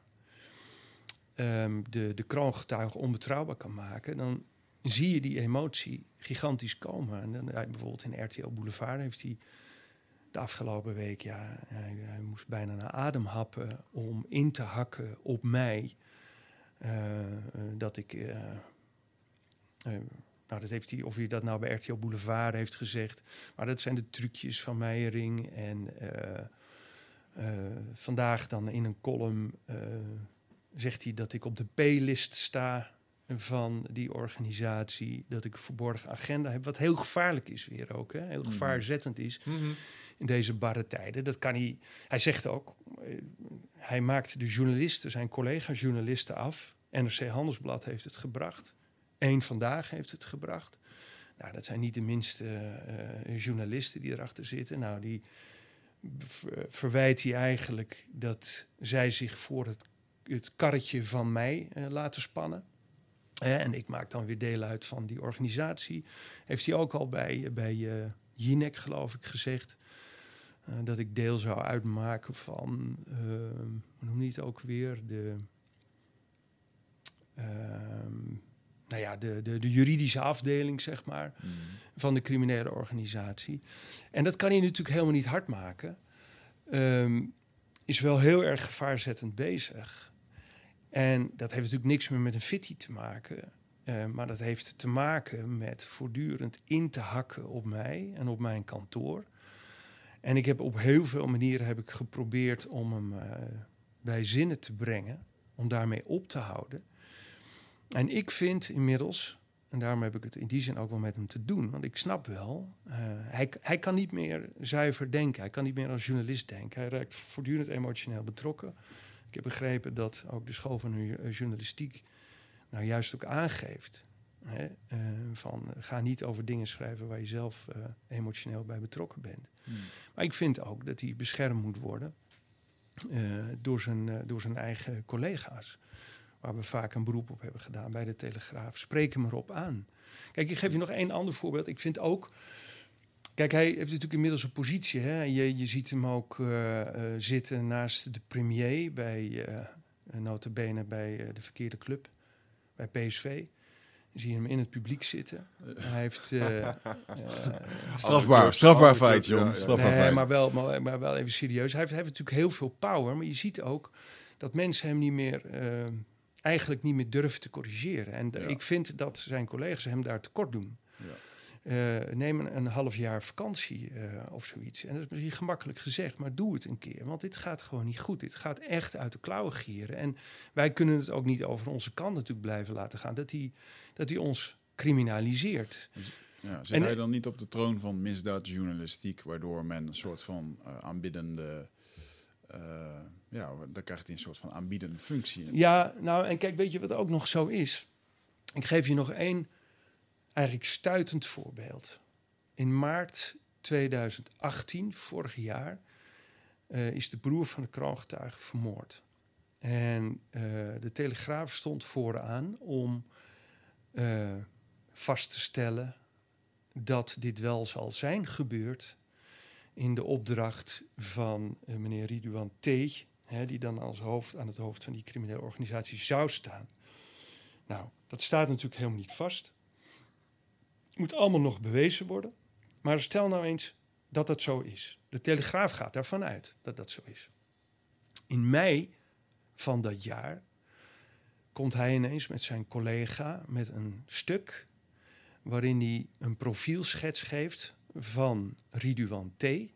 En hij begint, ik heb het citaat mee, hij begint met te vertellen waar de broers, broers en zussen van Ridouan T. wonen.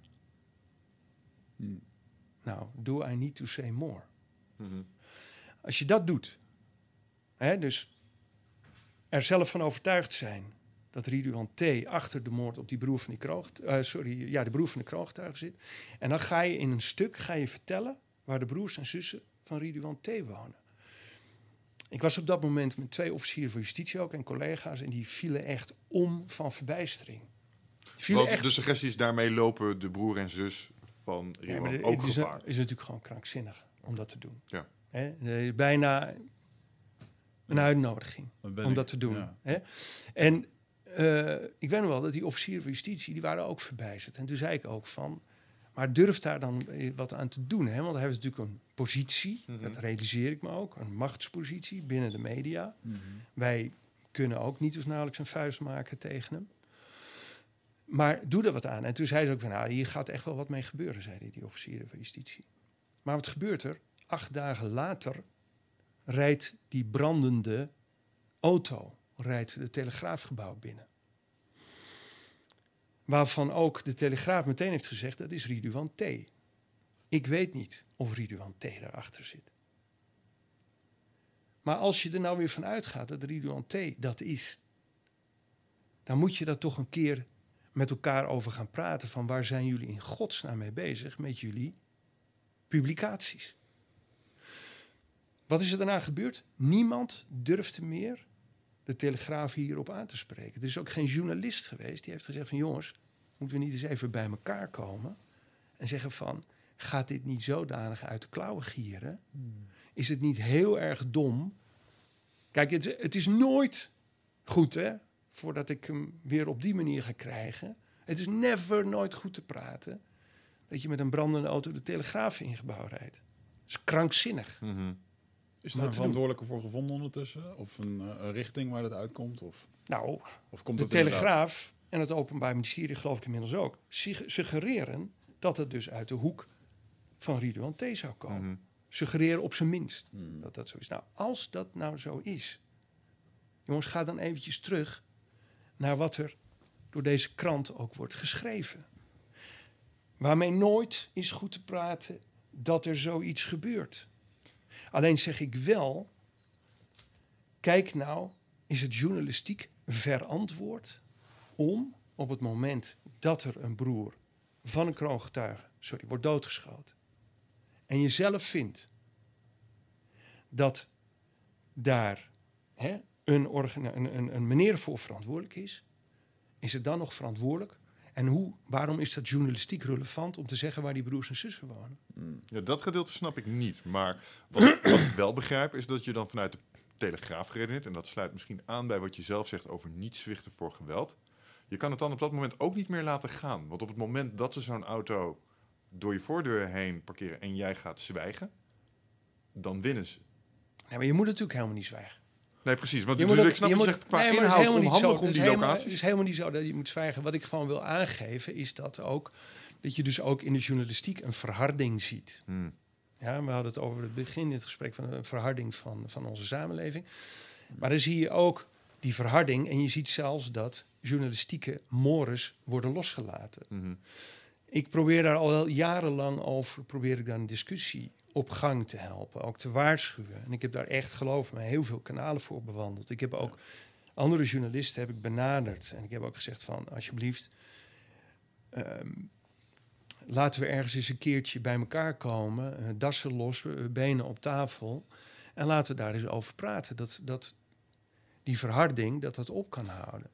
Maar weet je, je kunt hier niet langer meer van wegkijken. En het enige wat ik hier zeg, het is nooit goed te praten. Maar hou ook op met buiten de oevers te treden van je verantwoordelijkheid als journalist.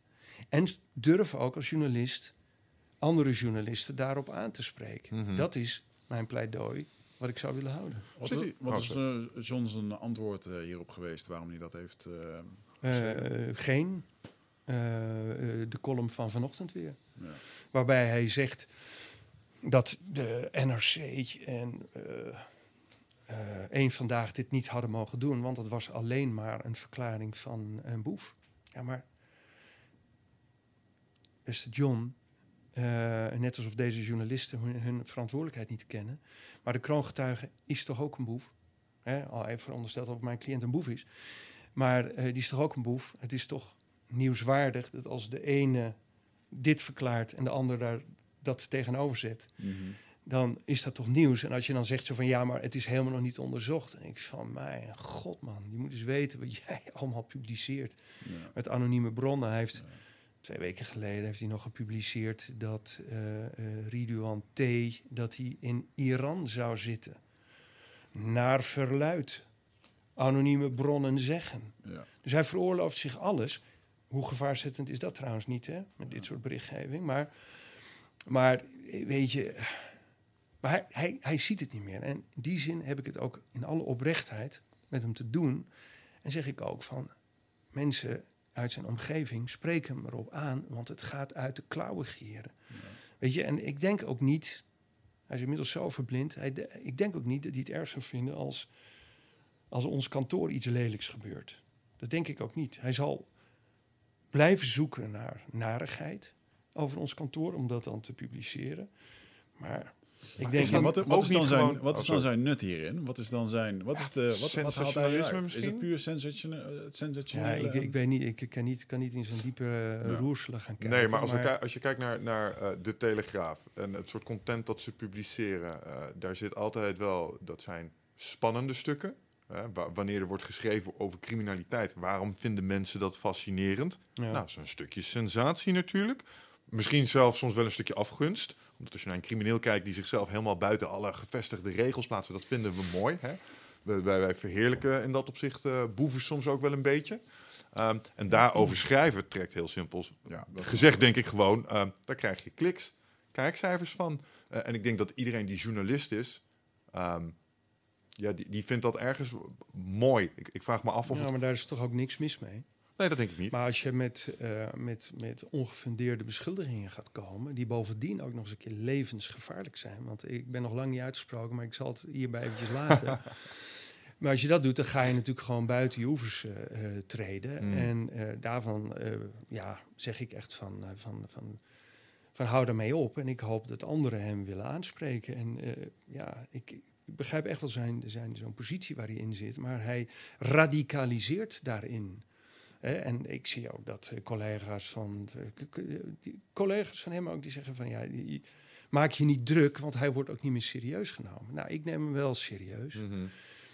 En, eh, en hij heeft, en hij heeft, eh, hij heeft ook zijn kwaliteiten, maar hij is, ja, hij is, hij is van het pad afgeraakt. Ja.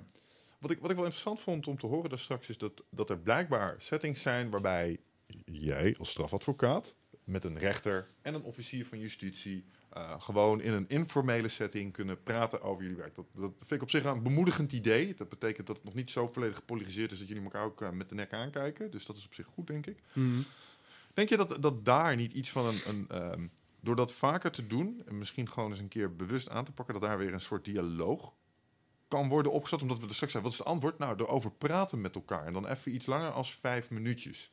Ehm, is dat ook niet iets wat kan worden gedaan als ik dat dan zo jullie verhouding eh, tussen, tussen enerzijds de officier van justitie, de advocaten, de journalistiek daarbij. Ehm, joh, je zou bijna zeggen, gooi ze allemaal gewoon eens eens zo in de zoveel tijd in een congres met elkaar. Eh, laat ze de debatten over Ja. voeren. Eh, later, later is, want, want dat zie je tegenwoordig best wel als het gaat om intellectuele ontwikkeling. zijn allemaal van die long format presentaties, waarbij het publiek ook gewoon in interactie met de, met de, met de sprekers of met het panel en dat soort dingen gaan. En daar komen nieuwe ideeën tot stand en hè, dat, dat vormt dan het verdere beleid.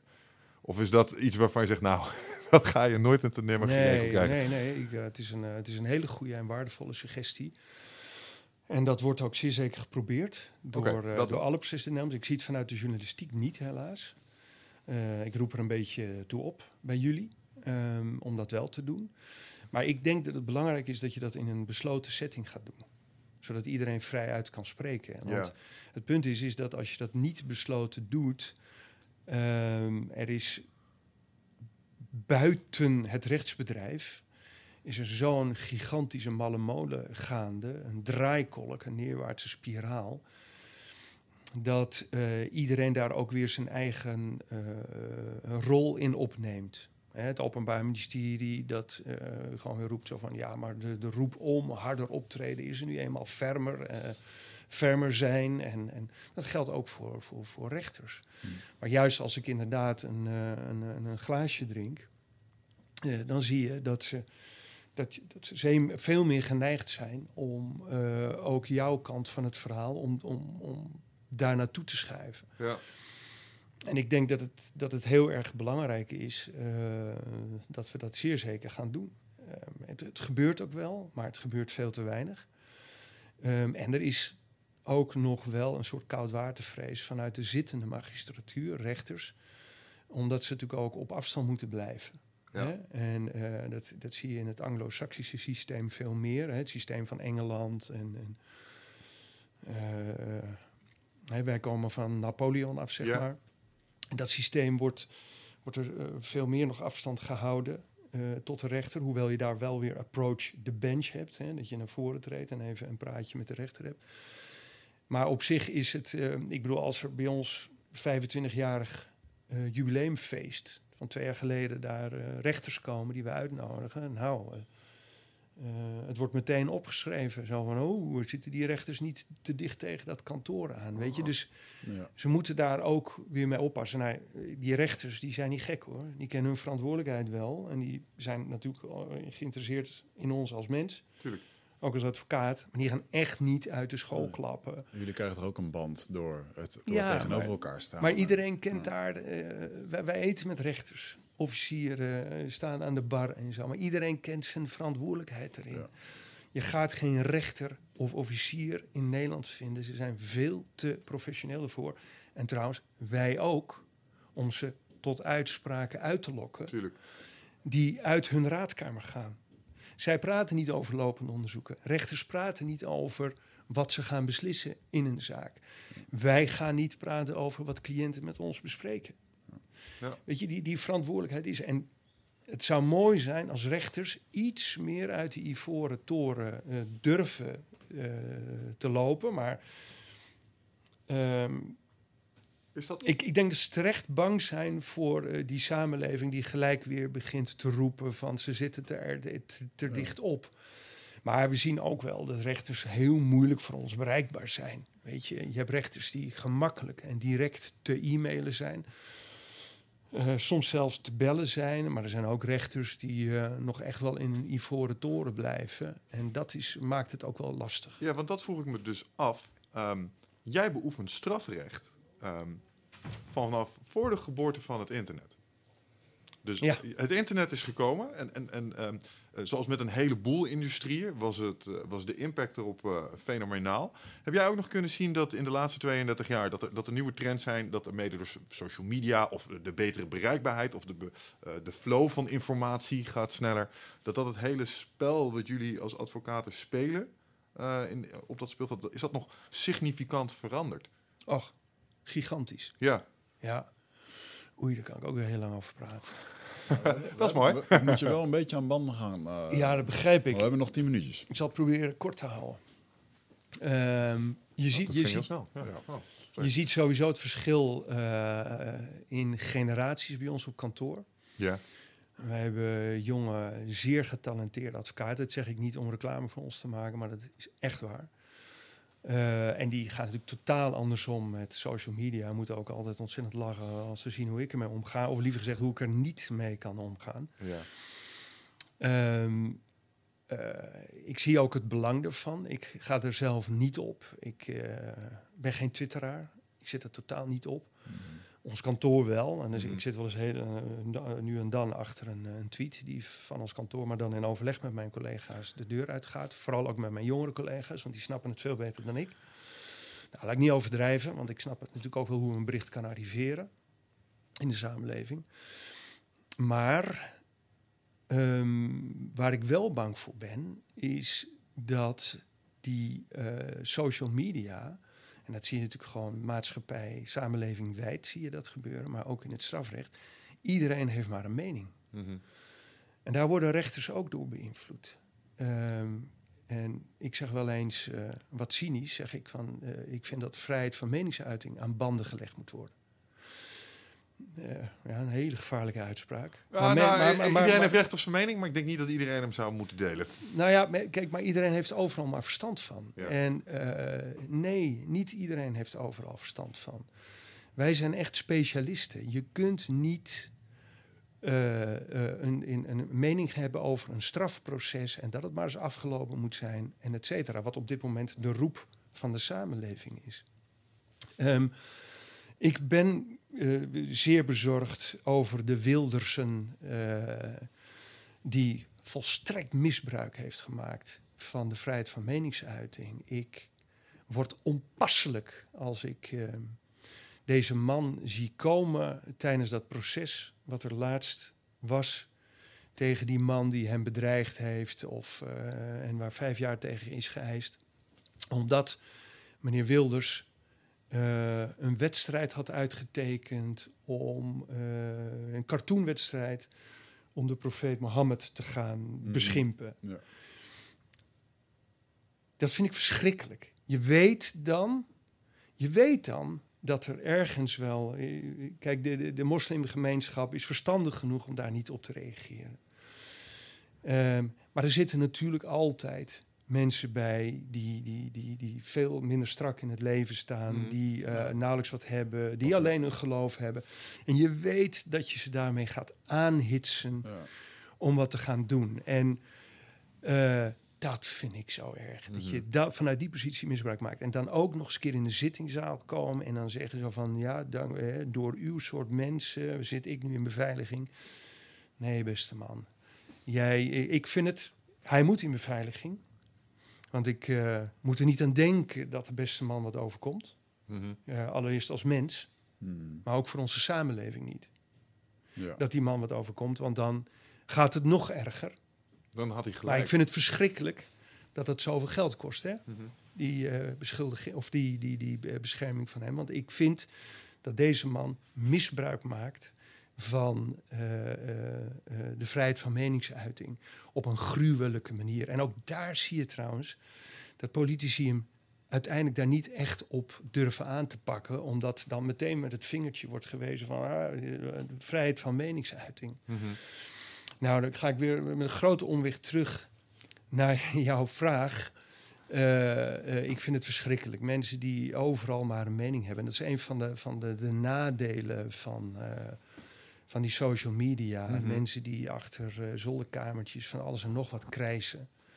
En dat de wereld inslingeren, ook over, over strafzaken. Er druk op zetten. Ja. Rechters onder druk zetten. En wat mij betreft, mede ook de verkeerde kant op duwen. Ja, keyboard warriors. Dat is Ja. al zo oud als het internet. Ja. Mensen die iets van... Ja, Ja, maar het is natuurlijk nu veel heftiger. Hè? Ik Ja, bedoel, eh, voorheen gebeurde dat in kroegen. Hè?